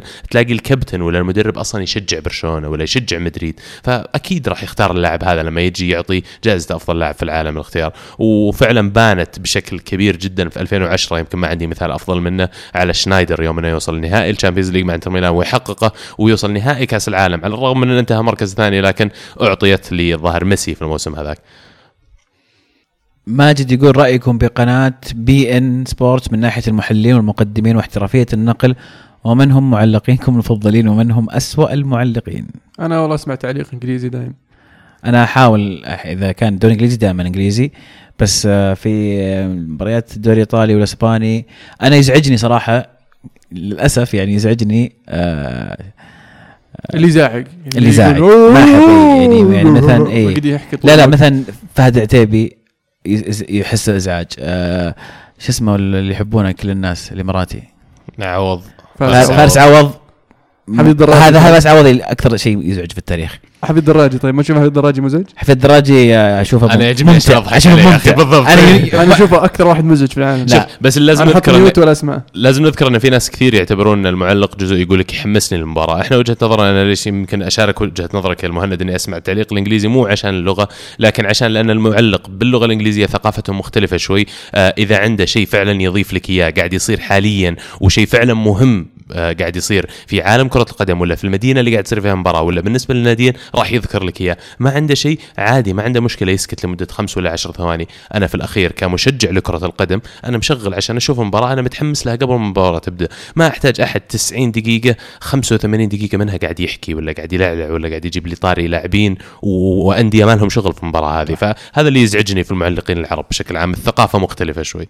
هو هو للأسف غياب التعليق أصبح وصف يعني أنا ما عاد أحتاج تقولي الكرة تلعب يمين وتلعب يسار وك- يلعب لي كرة في مكان والكرة في مكان. أنا ما أحتاجك تشرح لي إيش قاعد يصير أو تعيد لي أنا قاعد أشوف صح. أنا أحتاجك تعلق وهذا اللي يحدث في الانجليزي إنهم يعطيك تعليقات معلومات اسم اللاعب مثلا الكرة لما يناولها ما يقول فلان يلعبها لفلان هو يقول فلان فلان وفلان أنت خلاص تعرف إذا أنت ما عرفت اللاعب منه بتعرف لما يذكر إنجليزي أما العرب يعني عندهم أسلوب التعليق العربي. طبعا كل لغة لها مدرسه تعليق. يعني تشوف في في أسبانيا طريقة في إيطاليا طريقة في الارجنتين طريقة. فهذه لغة طريقة العرب. ما تعجبني مرة. بعض المعلقين يعني اتحملهم بعضهم ما أقدر أسمعهم ابدا. يوسف, يوسف سيف يضايقني كثير صراحة. نعم إيه. أما beIN Sports بصراحة صراحة يعني مجهود رائع جدا من القناة. احترافيين يعني زي ما يقول المعلق ال- المقدم الإنجليزي انه biggest show in the world عندهم كل المباريات واحترافية عالية جدا. أستمتع كثير طبعا بنقلهم بالذات ال- ال- القناة الإنجليزية. وحتى الاستوديو التحليلي مش- نابولي ما كانت منقولة. مباراة الستة ذي. إيه. قاعد ادور أي. أنا وآخر ما حديت هذه سقطت ف بدأ- مو بأول. مرة ترى مو بأول مرة اذا كثير. ايطاليا إيطاليا بالذات ترى يطيحون مباريات. وكانوا يسوونها إيه. برضه في الدوري الإنجليزي يجيك أربع قنوات تنقل مباراة واحدة والباقي راح تدبر نفسك لا بس ترى هذا مو من بي إن سبورتس من الاتحادات حقت الدول نفسها الدوري الإنجليزي اعرف بشكل أساسي أكيد انها في مباريات ممنوع نقلها على التلفزيون لا آه، يعني زي مباراة ميلان مباراة ميلان منقول على ثلاث مباريات ثلاث قنوات أنت فكر فيها. أنا لو عندي النقل حقت المباريات الباقيه كلها ليش ماني بحاطها؟ ليش بحط ميلان على ثلاث قنوات؟ إلا إن أنا ما عندي شيء أحطه على القنوات. هذه بحط ثلاث قنوات نفس المباراة. لا في مباراة نابولي شغالة. حاط غير مصورة. غير مصورة غير منقولة. لأن ترى التصوير نفسه ما يقومون به beIN Sports يباع النقل التلفزيوني على الشركات الناقلة هذه. ما أتوقع انها غير مصورة. يعني مباراة في الدوري الإيطالي مو في الدرجة الثانية. فما في عذر. ناخذ سؤال أخير من عبد الملك. يقول اعطونا رأيكم في كثرة المقارنات اللي قاعدة تقتل اللعيبة. يا أخي عادي ما فيها شيء خله من جزء من كرة القدم من أول ما عرفنا أنفسنا وكل ما طلع لاعب اوه هذا فلان الجاي. لين يجي واحد فعلا فنان ينسف كل المعايير وهو يأسس اسم لنفسه. آه، جميع اللاعبين بلا استثناء كان شبهوا بلاعبين آخرين لفترة أو لأخرى. يا أخي حتى ميسي اللي الآن يعتبرونه من أفضل اللاعبين اللي قد لمسوا كرة القدم من آه، من عمره اوه مارادونا مارادونا ميسي مارادونا ميسي. فالفكرة أنه دائما راح يبقى هذا الشيء لأنه تندنسي ولا طبيعة للبشر أنهم يشبهون. يعني هي طبعا لها ضرر ولها فائده أنا أنا ضد التشبيه لأنك يعني تحط ثقل على اللاعب ما يحتاجه. في حالات خاصة قليلة نادرة اللي زي ما قلت ميسي اللي فعلا يطلع اللاعب هو هذا الفلان الجديد إذا نقدر نسميه إذا نقدر نسميه مارادونا الجديد مع إني ما زلت أختلف مع التسمية هذه. آه أنا أفضل إن كل لاعب زي ما قلت هو لاعب بنفسه وشخصيته. آه ما يحتاج تشبهه بأحد. آه كثير لعيبة ضاعوا بسبب هذا الضغط. خلوا كل لاعب يكون اسمه بنفسه وما يحتاج مقارنات كذا نوصل لختام الأسئلة. آه شكرا لكل من شاركنا. آه شاركونا الأسبوع القادم على هاشتاج الحلقة القادمة. الكرة معنا. 90 90 90 واو. إي ترقبوا حلقة كرة معنا على يوتيوب. إن شاء الله بننزل فيديو. نقول إن شاء الله إن شاء بينزل. الله. إن شاء الله توسيع الفريق المشارك في موضوع الكرة معنا في الدعم آه، خلف الكواليس خلينا نقول وإن شاء الله راح تكون هذا أول النتائج اللي أثمرت عنها الجهد هذه آه، نشارك آه، نشكر كمان آه، الأخ فيصل اللي يمكن راح راح تتعرفون عليه خلال الفترة الماضية كعضو من برنامج. الكرة معنا القادمة الفترة. القادمة وليس إيه. الماضية أنا قلت الماضية okay أنا غلطان. فالفترة القادمة خلال كجزء من فريق عمل الكرة معنا اللي ما زلنا نحاول أن نوسع المشاركة فيه ونوسع آه، دائرة ال- آه، الدعم وال support اللي يصير عندنا. على أساس نقدر نقدم لكم كل ما هو أفضل. وما نستغني طبعا عن متابعتكم ودعمكم وسمعونا دائما آرائكم. إذا عندكم انتقاد طبعا نبغى نسمع الانتقاد الصراحة السلبي قبل الإيجابي. نبغى نسمع الشيء اللي نقدر نحسنه قبل ما نسمع الشيء اللي عجبكم. حلو. بذلك نوصل نهايه الحلقة. أحب أشكركم أعزائي المستمعين إن شاء الله تكونوا استمتعتوا معنا. أه، وأحب أذكركم برضو تتابعونا على تويتر SoundCloud iTunes سناب شات انستغرام يوتيوب عشان تشوفون الفيديو الجديد إن شاء الله والفيديوهات إن شاء الله اللي مجهزينها للمستقبل. آه وبرضو لمحبي العاب الفيديو video games آه جرب تدخل ألعاب dot net آه يشمل كل ما هو ألعاب وإن شاء الله راح تنبسطون فيه. كانت الكرة معنا. الكرة معكم. فمان الله